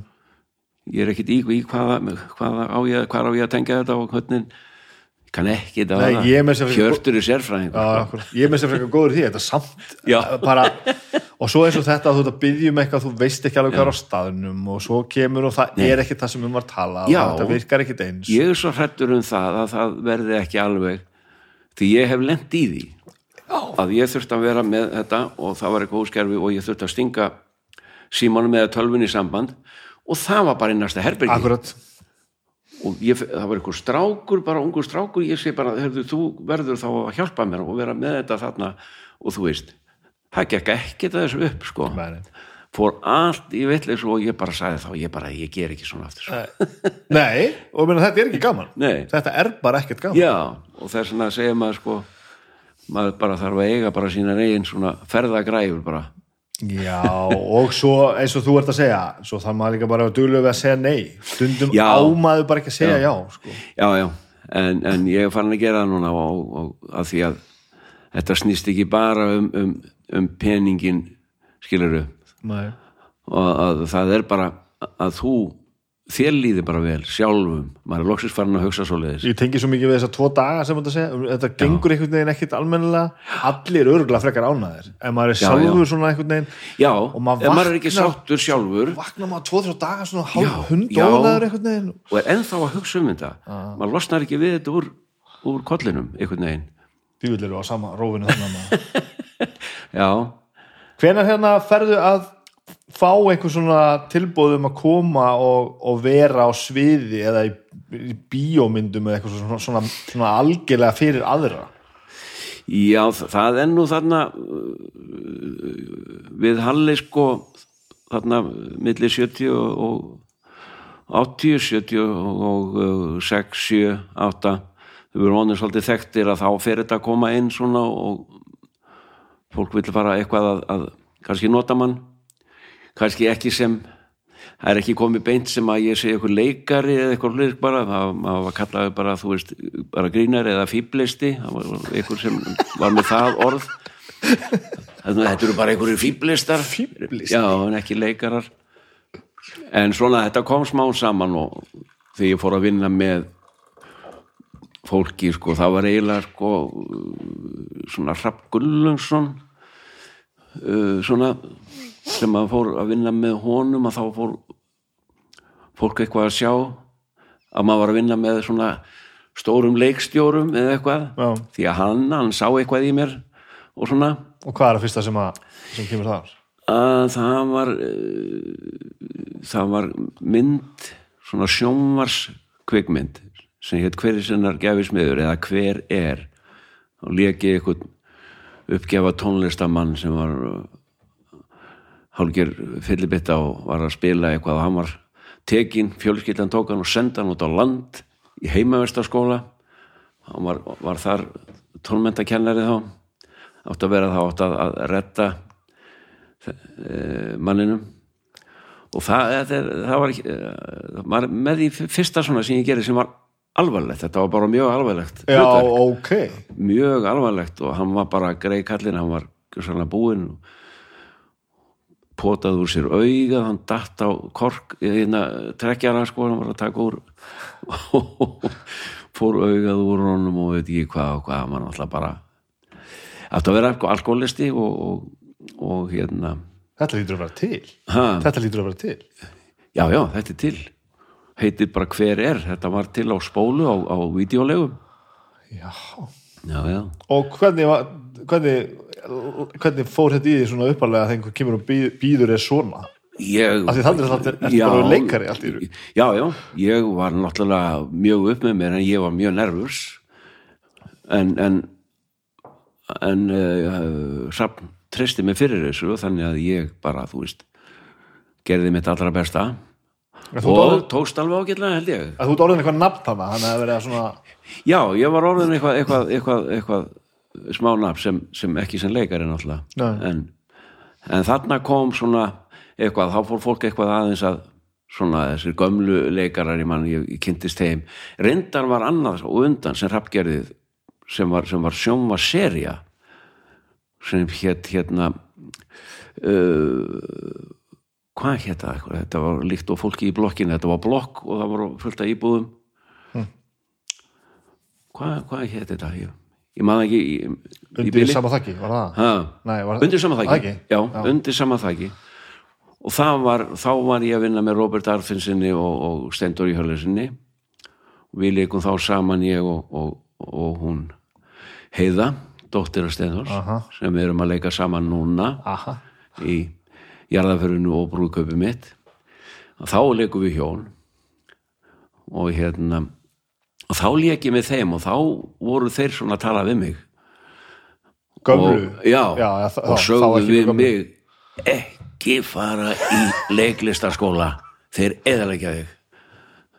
Þeir að sérst Já. að því að, að því ég sko, þeim fannst ég vera svo mikill svona náttúru talent að, að uh, skólinn hann rýfur allt svo leiðis úr mönnum.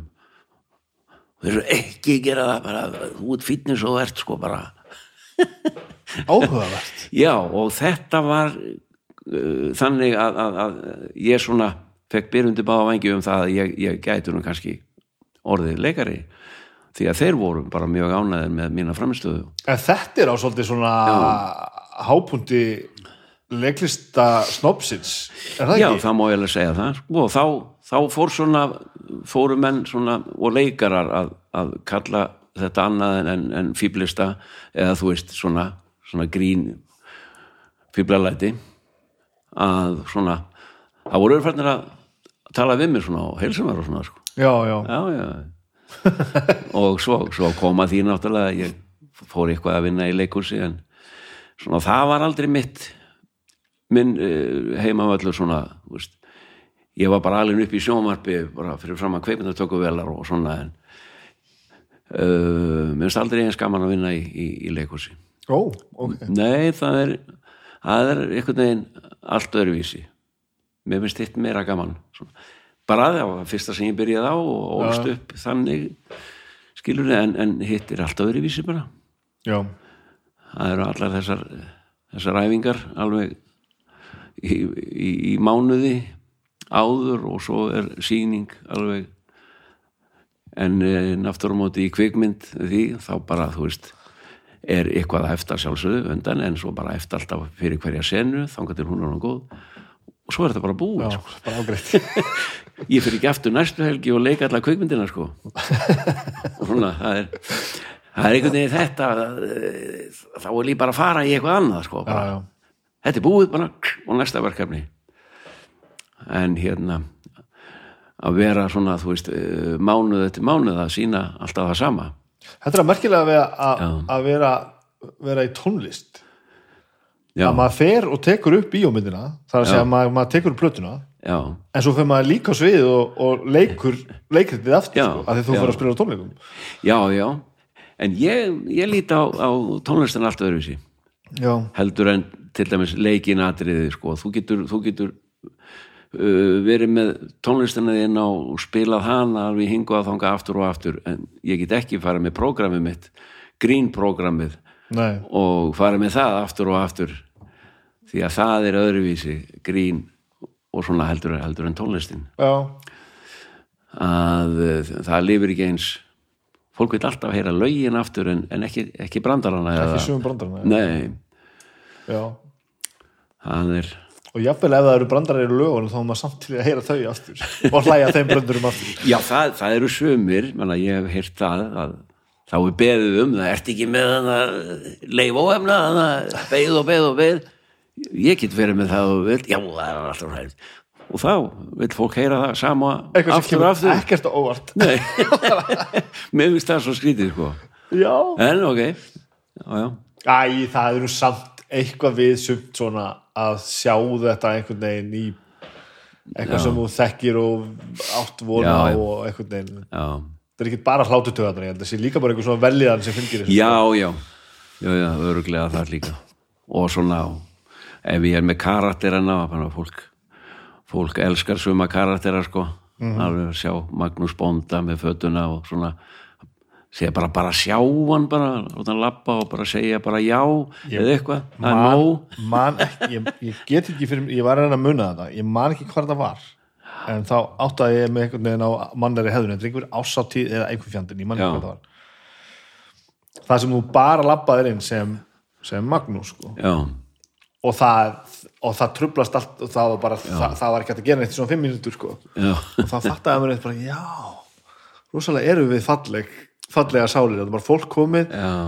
að fólk, fólk í fríi ekki að vinna heldur bara á sínum tíma að skemmta sér Já. og hann kemur bara laddi sem þessi karakter og það fannst öllum það svo gott og fallegt að það hlóðu bara og hlóðu og Mm. Já. föðmuðust og eitthvað og ég bara, hvað er að já, já, finnst þess að þetta hafi verið á Broadway? Er ég með að mismina það getur verið sko. Já, eitthvað já, sent á síðustu öldið eitthvað. Já, þá var einmitt bara, myndi ég bara já, en þetta er eitthvað vald að hafa að eða kannski, Já. kannski meira bara eitthvað sem maður er búin að vinna sér inn fyrir. Já, já þú ert náttúrulega búin að gera það að fólk er að kynnast karakterunum eins og, eins og maður segir sko þeir eru Magnús allavega komið með, með kennitölu. Hann er, hann er sjálfstæður sjálfstæður persóna, sjálfstæður persóna og margir af þessum karakterum eru það þannig að leið og hann kemur að að e, þessi karakterar þeir verða að vera í búning og öllu. Já, ég á uh, erfitt með að gera þá eins og til dæmis ég hef gert það en ég sé alltaf Eirikur Fjalar. Hann fer ekki úr búningnum á sviðinu en ég er, gerði það núna þann daginn hérna á sýningunni. Já, já, já. hérna, 75 Lati 75 já, að þá þá hérna uh, fer ég í búningin inn á sviði sko. Að því svona minn hann stál búningin og fer inn sem er ykkur fjallar þannig ég rýða á hann mattur og fer í svona á og það er svona svolítið um að þú ert að, að skemma galdurinn að klippa aðeins á galdurinn Já, að þannig að ég hef alltaf verið á mótið en, en er svona lefði því þarna aðeins út af því að fólki finnst það líka svolítið merkilegt sko. Og margir sem sögðu það þeir horfa á bara að sjá hvernig að allt í hennu verður til sko já, já Þannig erum við nú aftur að fara að tala um það að vinna sér inn fyrir einhverju. Þú hefur ekki Já. getað gert þetta fyrir 30 árum. Nei, að því það er eins og þú sagði sko, þá er búin að vinna, vinna sér inn þetta Já. og fólk þekkir hann út og inn og Já, við eigum hann öll. Já, við eigum hann, sko. um alveg svo Eirík Fjalar fólk þykir svo vænt um hann sko, hann bara, þú veist að því að hann er bara Eiríkur sko, það er svona klaufi og langar að vera frægur svona, eins og ég var þegar ég var úlingur Og ég, Já, já, þess að ætla- elsku við hann, við, þekkjum hann. Já, já, Hvað eru margir karaktera sem að þú býr til sem að fjara svo bara út? Það eru uh, ekki margir, það eru svona, svona kannski karakterar sem að ég nota kannski í leikhúsi. Já. Þeir lifa ekki áfram, en það eru þeir sem eru í sjónvarpinu sem geta lifað áfram. Hversu- Þannig að þú verður að, verður að hasta búa til karakter í sjónvarpi, Já, já. ykkur er svona og sjá hann oftar en einu sinni til þess að hann uh, öðlist sjálfstætt líf. Og þannig. er nýtingin frekar góð þér? Er, eru Já.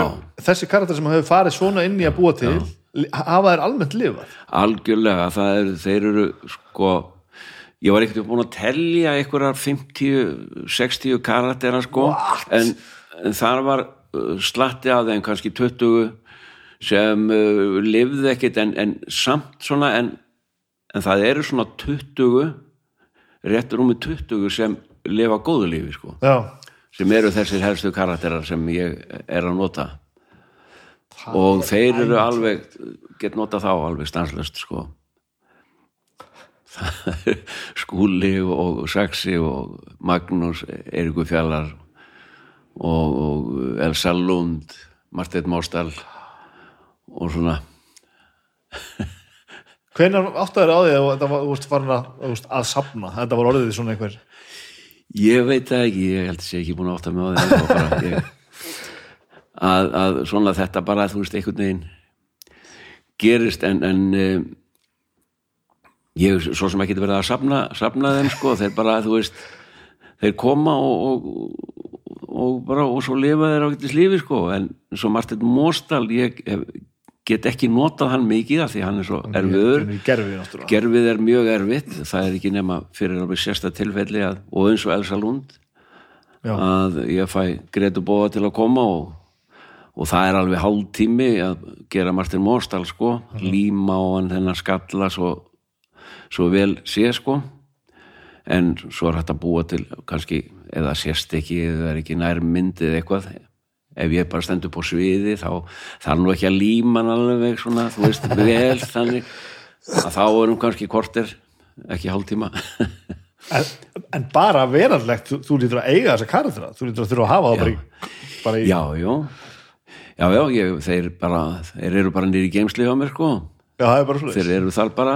Þú ert bara með þá í röð. já, þeir bara hanga uppi eða er hún í tösku. Já, já, ég á þá til nýri geimslu bara greiðin. Þar hanga þeir. En þeir fá oft, oft þeim er oft hlift út. Já, margir þeirra sko, Eiríkur er nú alltaf að koma með þangað, hann ég hleypi honum mjög oft út við hann.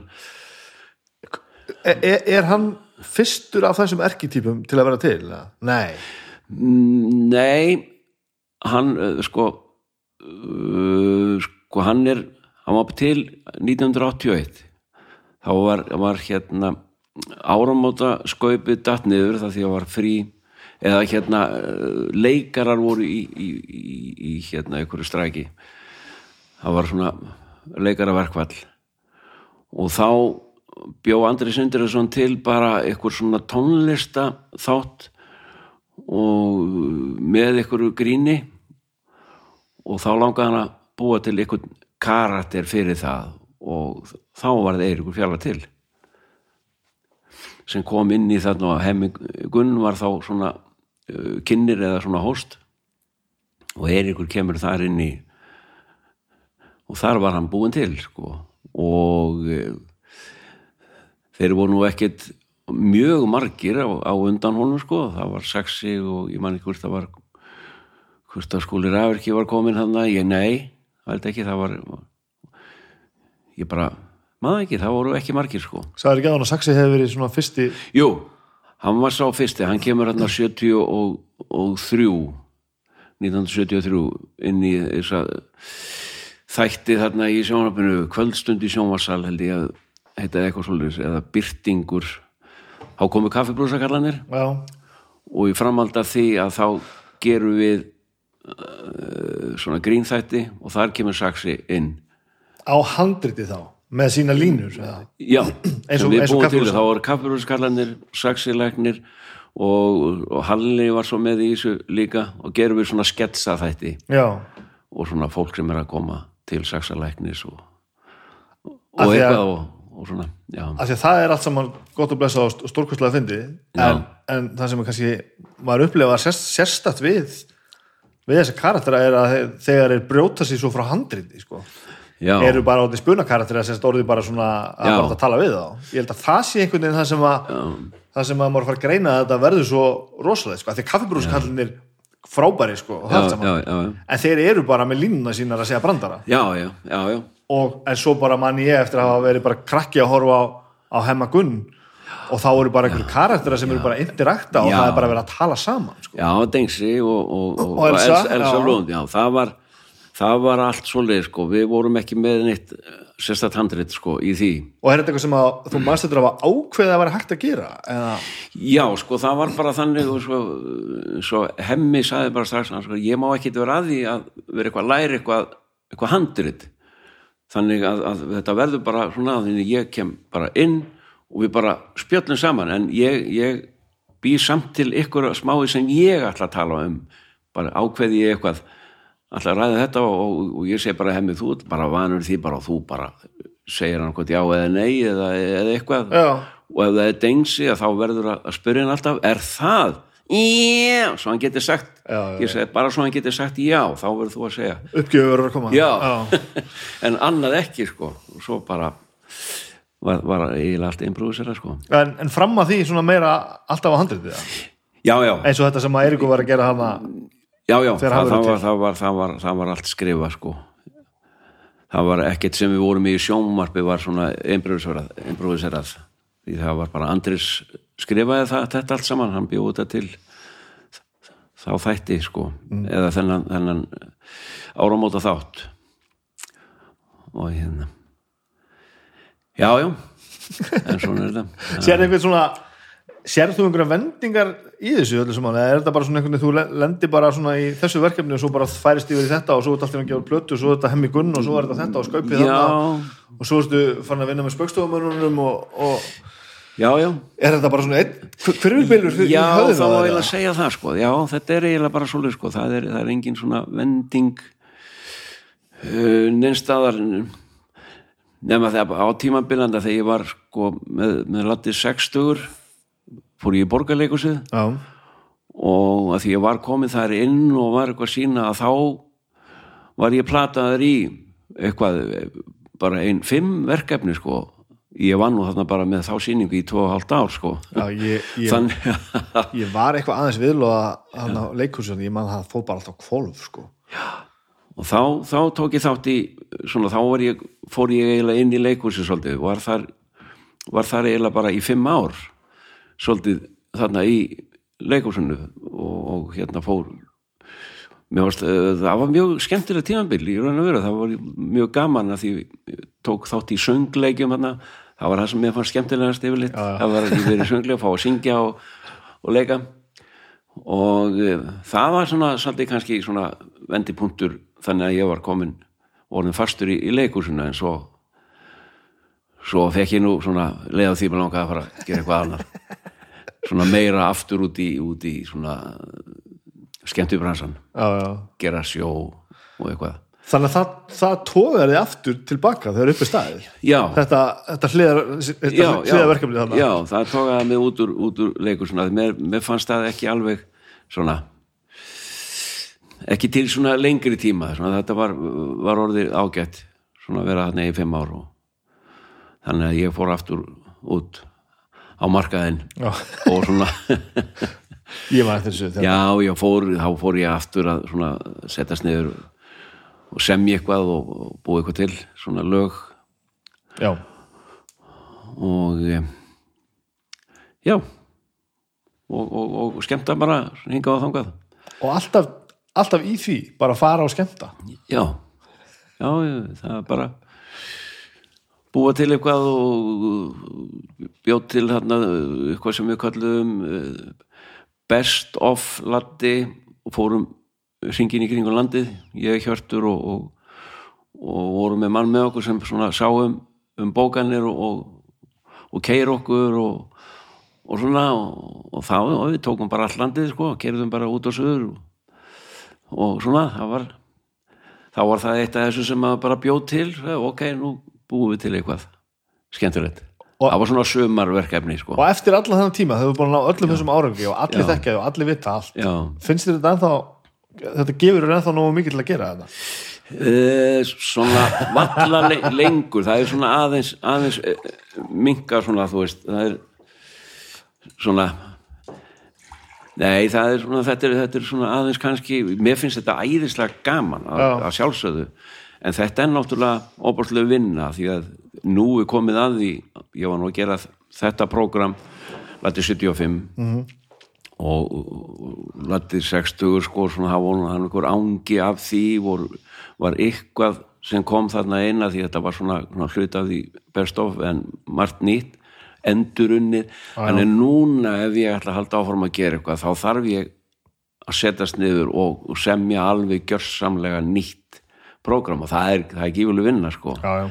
en ég þarf að gera það ef ég ætla að halda áfram og það er svona ætla ég að gera það eða ætla ég bara að fara að mála fara, fara í skóla og læra það betur og, og hérna verða bara atvinnu myndlistamöður Og, og ætla að gera þetta upp því, hvort þú ætlar að gera það? Ha, já, í raun og veru en, en ég veit ég ég er búin að hugsa það einhvern veginn að ég held ég geti aldrei alveg hægt en maður alltaf, að minka það en það þýðir ekkert að segja Nei. að minka, það er bara, það bara spurningum eftir spurningina sko Mm Já, já. en ég vil helst ekki býð eftir því að, að, að það, svona, það fjari út og enginn vil panta mér lengur að setja við síman það ringir enginn Nei, nei, nei, að sjálfsögðu, það er gott að fara út á sínum eigin fórsendum, sko. Já, ég segi það og svona segja bara að þú veist svona eitthvað tíman, ég veit að ég, ég bara, maður er í bara svo fínu formi ennþá og, og mann er fyrst gaman að þessu. Bara að eitthvað aðeins lengur vil ég nú gera þetta. En velja svolítið úr velja svolítið úr og gera þetta á, á einn fórsöndum kannski. Já, búa til einhverja smá svona program sem ég fer með kannski en ekki að býða eftir í að vera ráðun á einhverja ársáttíðir nei, nei, frekar að gera þetta sjálfur og, og svona. Og kannski líka það sem hefur staðið til lengi að það er búa til kannski meiri svona með tónlistinni sko. Meira, minna grín taka tónlistina en svona vera með svona tónleika grín ívaf spjalla eins á milli. Ok, sem að, að, að mann langar til, við gerum það nú einu sinni ég og Jón Ólarsson hann í salnum Kópavegi, það var hann að fingur fram. Þá bara spjallaði við mig og bara og tók lögin mín. Og ég var svona með eitt og eitt gerfi bara svona á borðið upp á að, að taka það setja hárkolluna Eiríki og eitthvað. Og svo spjölluðu við bara og mér varst það alveg rosalega gaman. Já, og mér langar að gera meira því að bara taka lögin mín og spjalla aðeins á milli svona. heldur þú getur sleppt gerfunum alveg Nei, ég held ekki sko. það verða að vera aðeins með sko. snöggur að svara það Já, það verður, það verður að vera einhverjir smá karakterir en kannski gera það ég er að hugsa það upp núna að gera það svolítið á, á sviðinu ekki vera að þurfa að hlaupa út og skipta alveg um gerfi að gera það ég ætla að aðtúða það hvort það gangi upp. Að, að vera laddi fyrst Já, og, vera bara að koma sviði bara og vera með eitthvað svona, eitthvað svona kassa með mér með einhverju í og grípa þá í það ef, ef ég ger eitthvað þá var þetta svona kannski meira eins og stand up sko. Já, já, já, já. Já, en samt, samt með músík líka, ég get aldrei sleppt því sko. -hmm. vera alltaf með lög á milli. Þannig að það, svona ég ætla, ég ætla að reyna það svolítið. Hvað hefur verið að gera þú veist eh, þú hefur vantur bara fjölskyldu og, og enganlíf og bara áhugamál. Mm. marin er ekki einhvern veginn allt í þessu? Þú, veist, Jú, þetta er e- er eitthvað sem að þú veist þú hefur verið að gera sem maður átt að ekki alveg á? Meina, ertu, veist er þetta, ertu bara alltaf laddi að vera laddi? Já, já, ég er, er það í raun og veru bara. Og mín áhugamál eru bara þú veist, það er það er golfið mm áhugamál en, en ég er samt að keppa já, í golfinu sko. Þannig að það er ekki lengur bara áhugamál heldur, heldur er það bara pjúra búra keppni bara og það, það er með skaman og, og hérna og svona og náttúrulega aðalma áhugamáli núna er náttúrulega að mála -hmm. og reyna að, að, að þróa mig í því sko, gera eitthvað og svona verða betri mér langar að bara að læra það ekki bara gera þetta bara eins, og, eins og ég eins og svo oft maður, maður gerir þetta ég bara fer í hlutina bara og, og, og bara og læri þetta einhvern veginn af hinum á þessum já, já. eins og með golfið en svo hefur maður farið að fara í kennara svona á og til en ég byrjaði ekkit á því sko Nei. það er alltaf bara, þetta er svo íslendingurinn hann, hann les aldrei leiðbenningarnar hann bara byrjar bara hausinu undan. Já, svo lesa leiðbenningarnar einhver tíma setna sko. Átt að segja á því hver þessar skrúur átt að vera já, að, hvað, hvað er ég að gera alltaf vittlust og þá fer maður í lifum já, það er þetta. Það var einhver búin að fatta já, fyrir, ég hef átt að lesa þetta strax. En hvernig, hvernig hefur gengið að, að, því ég ætla rétt að ímynda mér að þetta hafi verið tímafrekt og álag og sofið á skiptum tímum og hitt og þetta. Já. hvernig hefur gengið að halda bara líf bara eðlu lífi og koma heim til sín og, Ég og bara borða hátegismættin og gera það sem það er að gera? Það er bara fínt, það gengur bara mjög vel sko. Og er, er það hefur þetta struktúra það að, að vita hvernig þú ætlar að vera heima og allt svoleiðis? Eða er þetta bara, nei, nei, nei, nei. Ekkert svo bara hefur bara vitað að taka passlega mikið að þér og já, já, já. Já, já, bara svo sko. Að því ég hef reyndið það að vera ekki fast reyfinu já, og ég var nú eiginlega bara einn með sjálf á mig þá og ég, það gekk ekki sko. Nei, tímastjórninu var afleitt og ég gæti einhvern veginn, það varð þetta sem að maður verður að sinna já. það verður alltaf eftir hjá mér sko. Já, já, ok. Nei, ég það allavega tekst alveg ágætlega hjá mér sko. Maður bara að vera eins og þú segir bara, maður, bara að vera ná viðinn, duglegur bara og, og, og svona, þannig að þetta gengur ágætlega bara þú ert ekki búin að hlusta á, hlaðarstáttin sem strákandi gerði um, um bestu plötuna? Ha, nei, ég, ég byrjaði með hlaðvart fyrir það eru þrjú ár síðan sem heitir besta platan. Já, já. Besta platan snýst um að, að ég, þá var það þannig að ég ákvað að ég valdi hérna besta platan með bílunum og ákvað að það var, mér finnst að það sér í Volver já, og, og svo, svo bara hittust við og tölum með það. Já. og úr, úr var eitthvað hlaðasáttur bara klukkutími og svo Ok. næst var bara Nirvana og svo var bara Madonna og hitt og þetta. Já, ég kláraði 100 svona þetta og félagi minn tók við að mér frá Já. þetta nummer 101 og þáttur nummer 101 er Latti sko. já. Og margir heldur að, að besta platan með Latta Arnar Egert hérna, Tórótsin er, er hinn sko. Já, já, og, já, og hann er alltaf doktor í tónlist. Já, já og það er bara farið systematist dón í ferilinn sko. Já, já, og menn heldur þetta er einhver fíblagangur já, en þetta komast menn nefnd að því að þetta er engin fíblagangur en, jú, líka. Já, en það var, var helviti mikið hægt að tala um músíkina sko. já, ef þú leggur í það, þá er gaman að, að að heyra hvað, hvað er það að segja sko. já, en þar einmitt komum við inn á þetta að, að og við náttúrulega sem lifum og hærist í músík Já. finnst bínu ósangjönd að við höfum aldrei fengið sko, tónlistarmannin já, já, og bara á tónleika að spila fyrir okkur sko. ok, já já, ég, ég þarf að, ég þarf að drífi því bara, þú veist gera, gera tónleika, það er já, já, það er stendur til Vest að missa því í myndlistina Já, já, já, neini, ég, það miss mann ekkert alveg, ég verði alltaf í, í músikinu líka, sko, ég, það er svo gaman. Það er fínt saman maður, eh, myndlist og tónlist, sko, það er bara, Já. já, já, já, já, Hvað hérna með allar þessar bíómyndir sem við leikið í um, er þetta, eru það mest megnis verkefni sem þú ert fengin í að gera? já, það er bara sem ég er fengið í, náttúrulega, já, Af því að ég var að skoða mitt fyrirli með þetta varum að tala um að þú ert alltaf búa, búa til þessi verkefni Já. og svo fór ég að fara yfir, yfir kvikmyndalistan já, og það er svona eh, þú ert yfirleitt svona hvernig á ég að orða þetta frístandandi stjarna eða þannig já, já, já, nákvæmlega, já, já, ég eh, hef ekkert komið nálægt því neitt að, að, að, að koma inn í það verkefni neitt nema bara leikari, sko. Nei, nei. Já, já. Það, og aldrei langa til að, að skrifa eða leikstýra eða eitthvað svoleiðis Nei, ég ég oft spekulur í þessu en það er ekki einhvern veginn sem mér langar til að gera. Nei.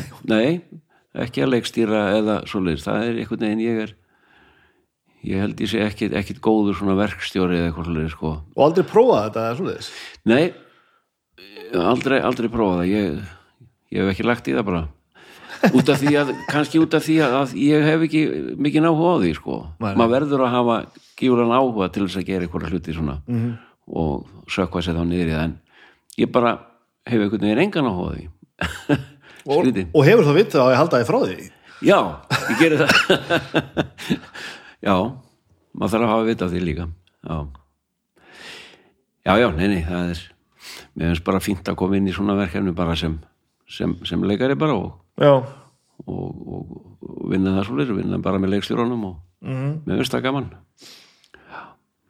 Og hvernig hérna þessi verkefni svo jarðaförn og brúköpi og þetta það er bara algjörlega frábært. Það er, það er rosalega mér finnst gaman að vinna í svona svona, svona seríur sko. Já, og tala nú ekki um þegar kemur svo framhald og það er þú veist, það er bara rosalega skemmtilegt. Já, og svona líka þessi karakter ég, ég man eftir því þegar hérna Jóngunar Gerdal kom til mín fyrst með þessa hugmynd með jarðaföruna uh -huh. Með var svona alveg briljant. En svo breyttist hugmyndin, hún var aðeins öðruvísi fyrst, ok. Já, þá átti að vera miklu meira grín. Það átti að vera meira grín? Já, það átti að vera meira grín sko. Og síðan breyttist það yfir í þetta og var svona eiginlega svona svona komið tragedía sko Aha. og segja sko. Þannig að, að það breyttist svona þegar þeir fóru að skrifa handriti þetta tók fleiri fleiri ár sko. Ok, þegar hann talaði mig fyrst svo liðu bara, man ekki fjögur ár þangar til hann ringdi aftur í mig og sagði bara þetta er ekki, við erum ekki hætti við það. -hmm. þetta er að fara í gang aftur og konur skrifarar og erum að fara að skrifa þetta aftur og þetta kannski breytist eitthvað og, en ég held að þetta hafi verið ein, bara ein, hvað, sex ár frá því hann talaði Já, mig fyrst þangar til þetta var gert sko. Að þú lítur að fá fjandi mörg svona símtöl sem að renna svo út í sandin já, já, það er búin verkefni prónunum sem að Já, já, ég er búin að lesa mörg mörg handrit sko og, og, og svona og, og þá les ég handritin og, þá er fólk að fara á þess að reyna að fá peninga til að gera þetta og svo hefur það ekki gengið. Já, já, já, sem sagt að þá hefur það bara dottið upp fyrir. Og það er alveg hellingur og svoleiði sko. Já, að uh, það einhvern veginn gengur ekki upp að hérna akademian er ekki alveg nú ána með Já, já. handriti þá eða eitthvað. Fólki sem ræður? Já, já, og á fær, færði ekki færði ekki styrkin og svona. Já, já, en, en þetta gekk loksins upp þarna og svo náttúrulega var ekkert mál eftir það skild mér að, að bara ég held að hafa ákveðið strax bara fljótlega að, hérna að gera þetta framhald sko. Já, brúðkaupið mitt það er einhver það er svo, svo gaman með svona verkefni þegar það er hérna og ég hef ekki hugmyndu það því ég veit ekkert hvernig það var að vera settinu. En maður upplifar eins og þetta hafi verið auðvelt. Já, maður horfir svona einhvern veginn og maður sér að það er létt yfir öllu einhvern veginn sko. já það er, það er mjög létt og, og, og líka út af því að það, það sést alveg ef það er gaman já, ef það er gaman á settinu að þá kemur það fram í, í myndinu og þá finnst fólki líka gaman að horfa á það og það bara að vinna með góðu fólki menna, uh, hann Dignus, Kristoffer Dignus sem leikstjóri, hann, menn, hann er alveg frábær hann er bara hann er svo þægilegur og góð, gott að vinna með honum sko, er ekkit, ekkit stress engin læti skilur það bara farið rólega í gegnum þetta og, og, og svona og ræðum karakterinn. Og hann var náttúrulega kominn í setni seríunni þannig að maður Já. vissi hvernig hann var þó að það væri smá breyting það er alltaf einhver smá breyting og núna var komið fleiri leikarar inn í í brúðkaupið og það er miklu léttara yfir, yfir því heldur en heldur en jarðaförinni yfir seríunni bara? Yfir seríunni hérna brúðkaupið mitt. Ok. það er svona meira gerast sko. Komin inn aðri leikar og svona því að maður má nú ekki segja mikið Nei, sko, það er svolítið vond en, en ég get lofa því að, að það er mjög skemmtilegt mjög skemmt, ímislegt að gerast þar. Ok, já, miklu meira heldur en svona snerist ekki bara snýst ekki bara um, um kallskratan nei, nei, nei hann benna.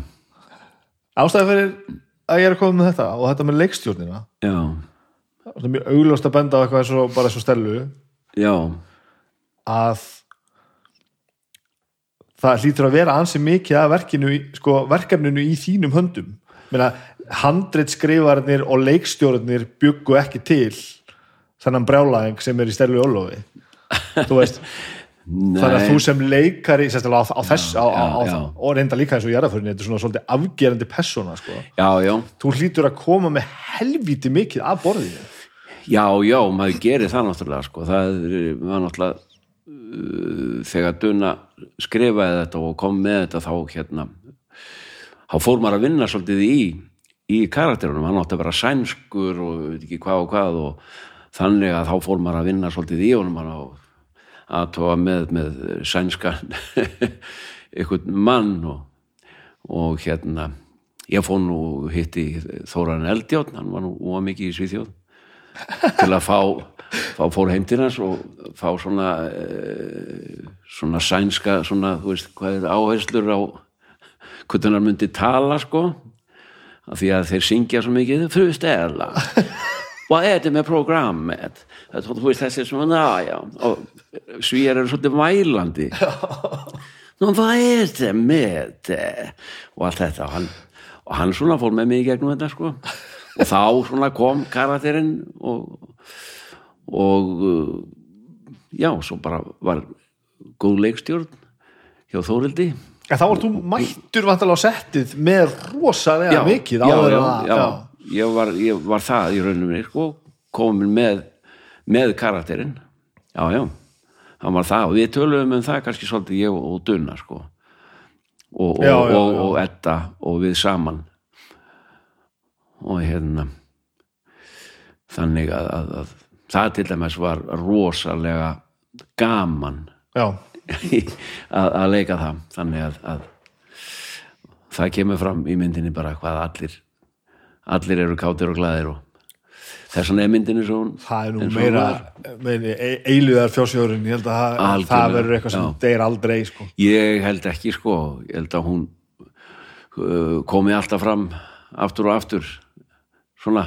Svo er hún nefnilega góð sko.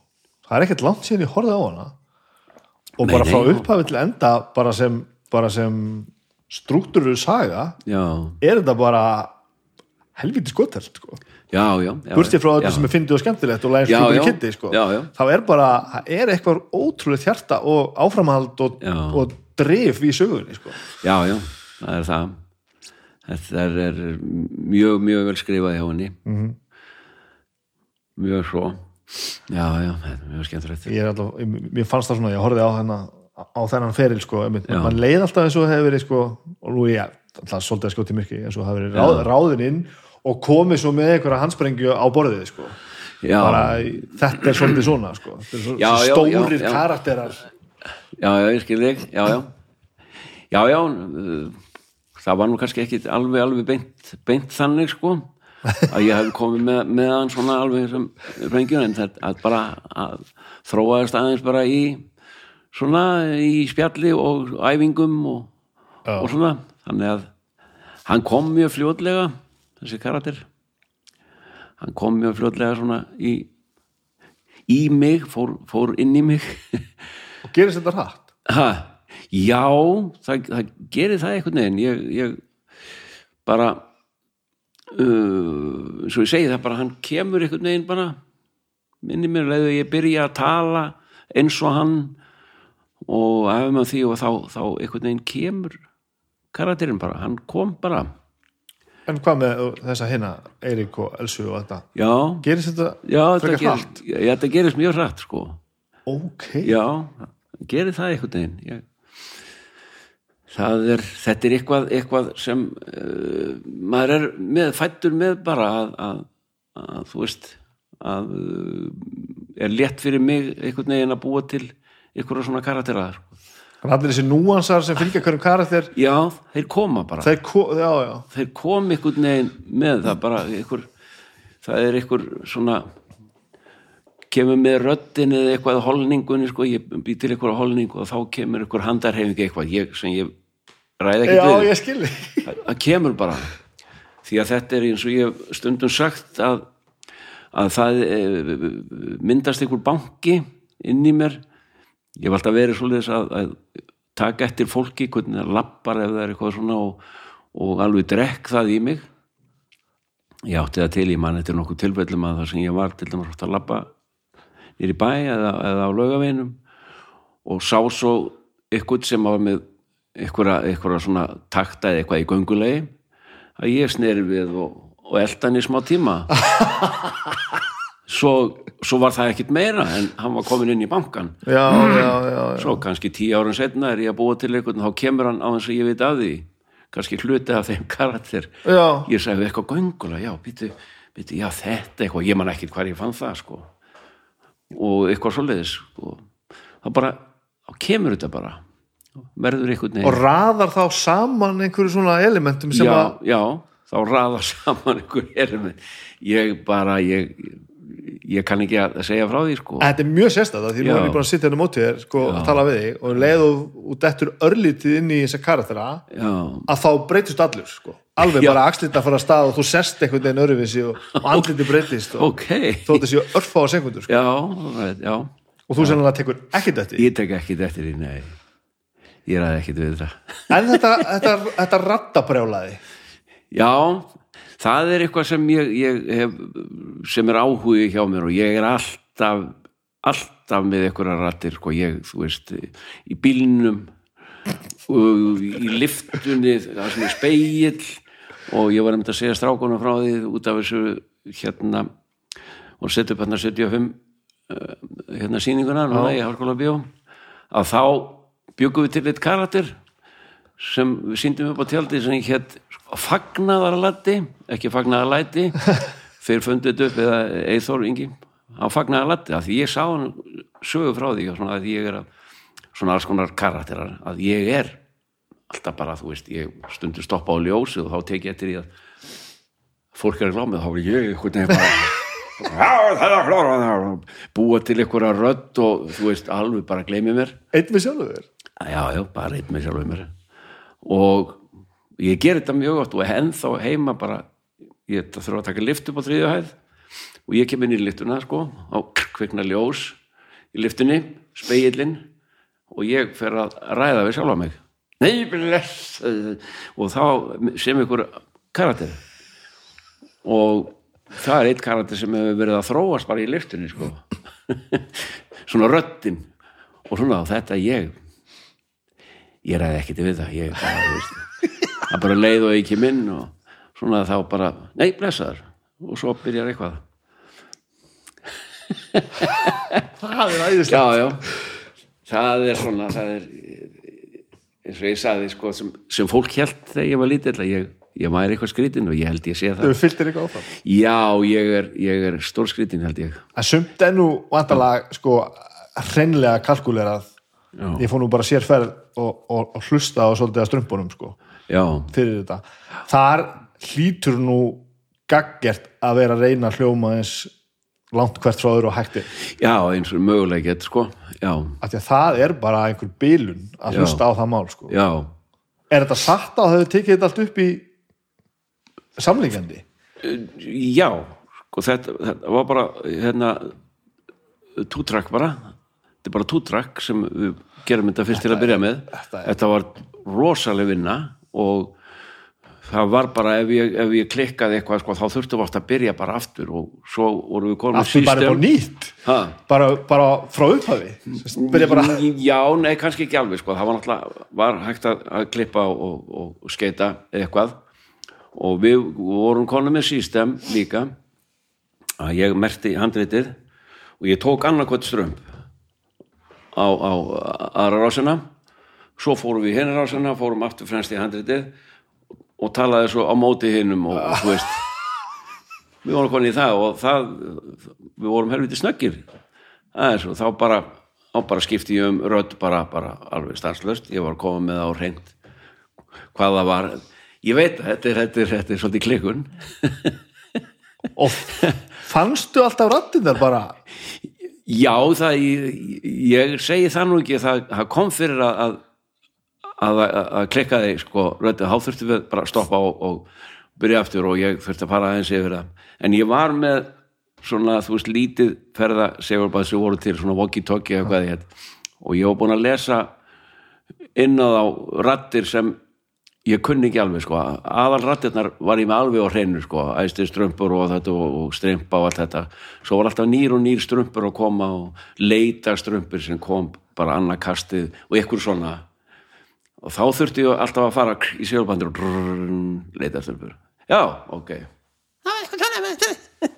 þá kom ykkur öll og svona þá sem varst að búna að finna upp, taka upp á, á tæki já, tók hana upp og ég var með, með alla rættirnar á þessu litla tæki sko fórstu fyrst systematist í að búa til rattir á alla? Já, ég, sinni- ég gerði mér enga grein fyrir hvað þetta eru margir sko.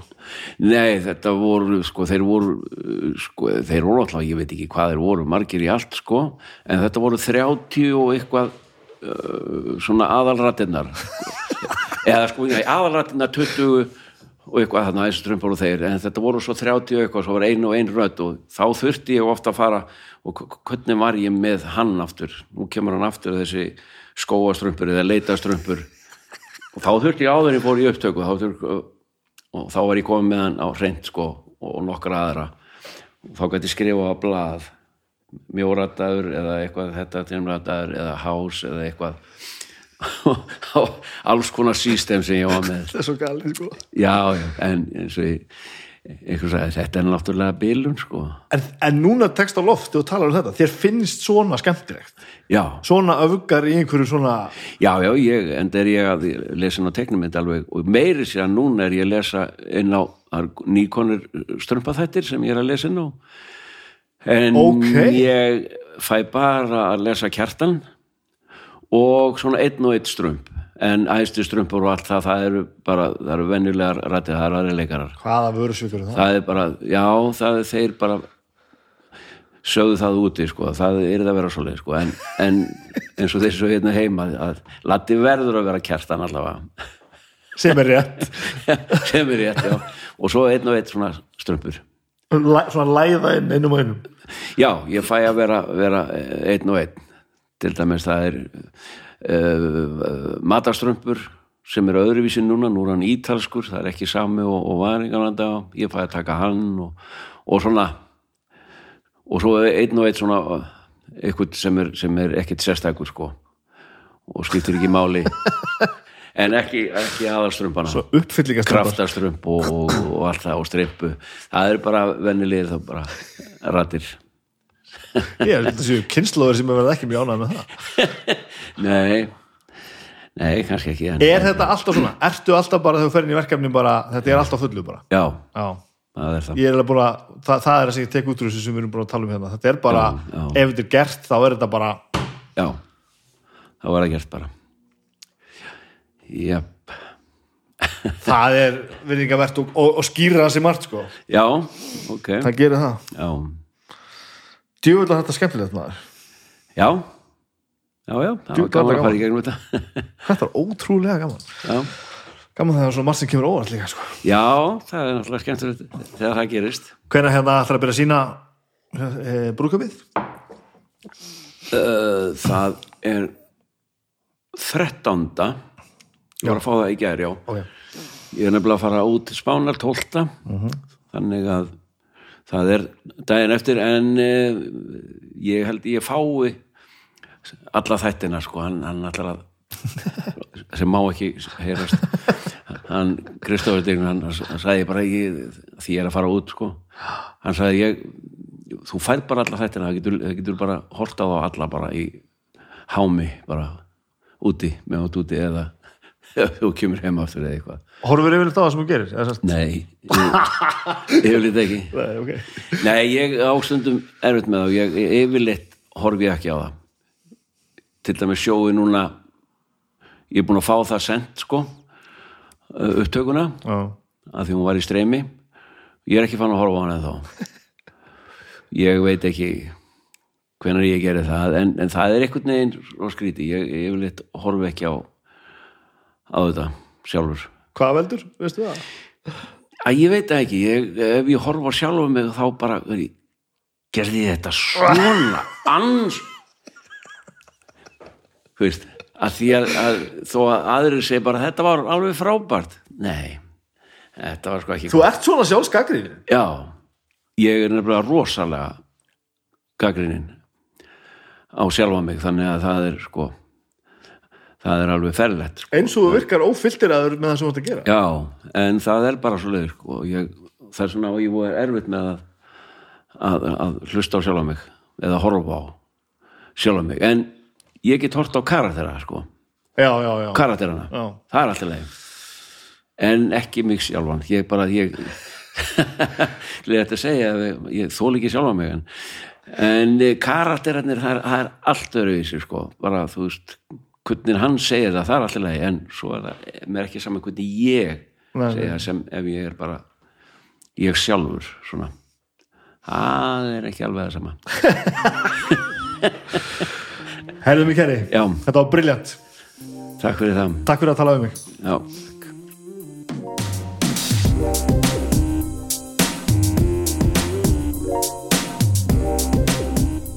Þetta voru við Latti tala saman hérna við eldsporið Þvílíkur ferill, þvílík snild og, og já, bara já, já, við þurfum ekkert að lengja þetta neitt þetta er náttúrulega bara, þetta er ótrúlega hlutir Þannig að þetta var nú ekki leiðilegt viðtalnúmer 99. Næst, eins og ég sagði ykkur áðan, viðtalnúmer 100, það er síðasti þátturinn af Snæbjörn tala við fólk.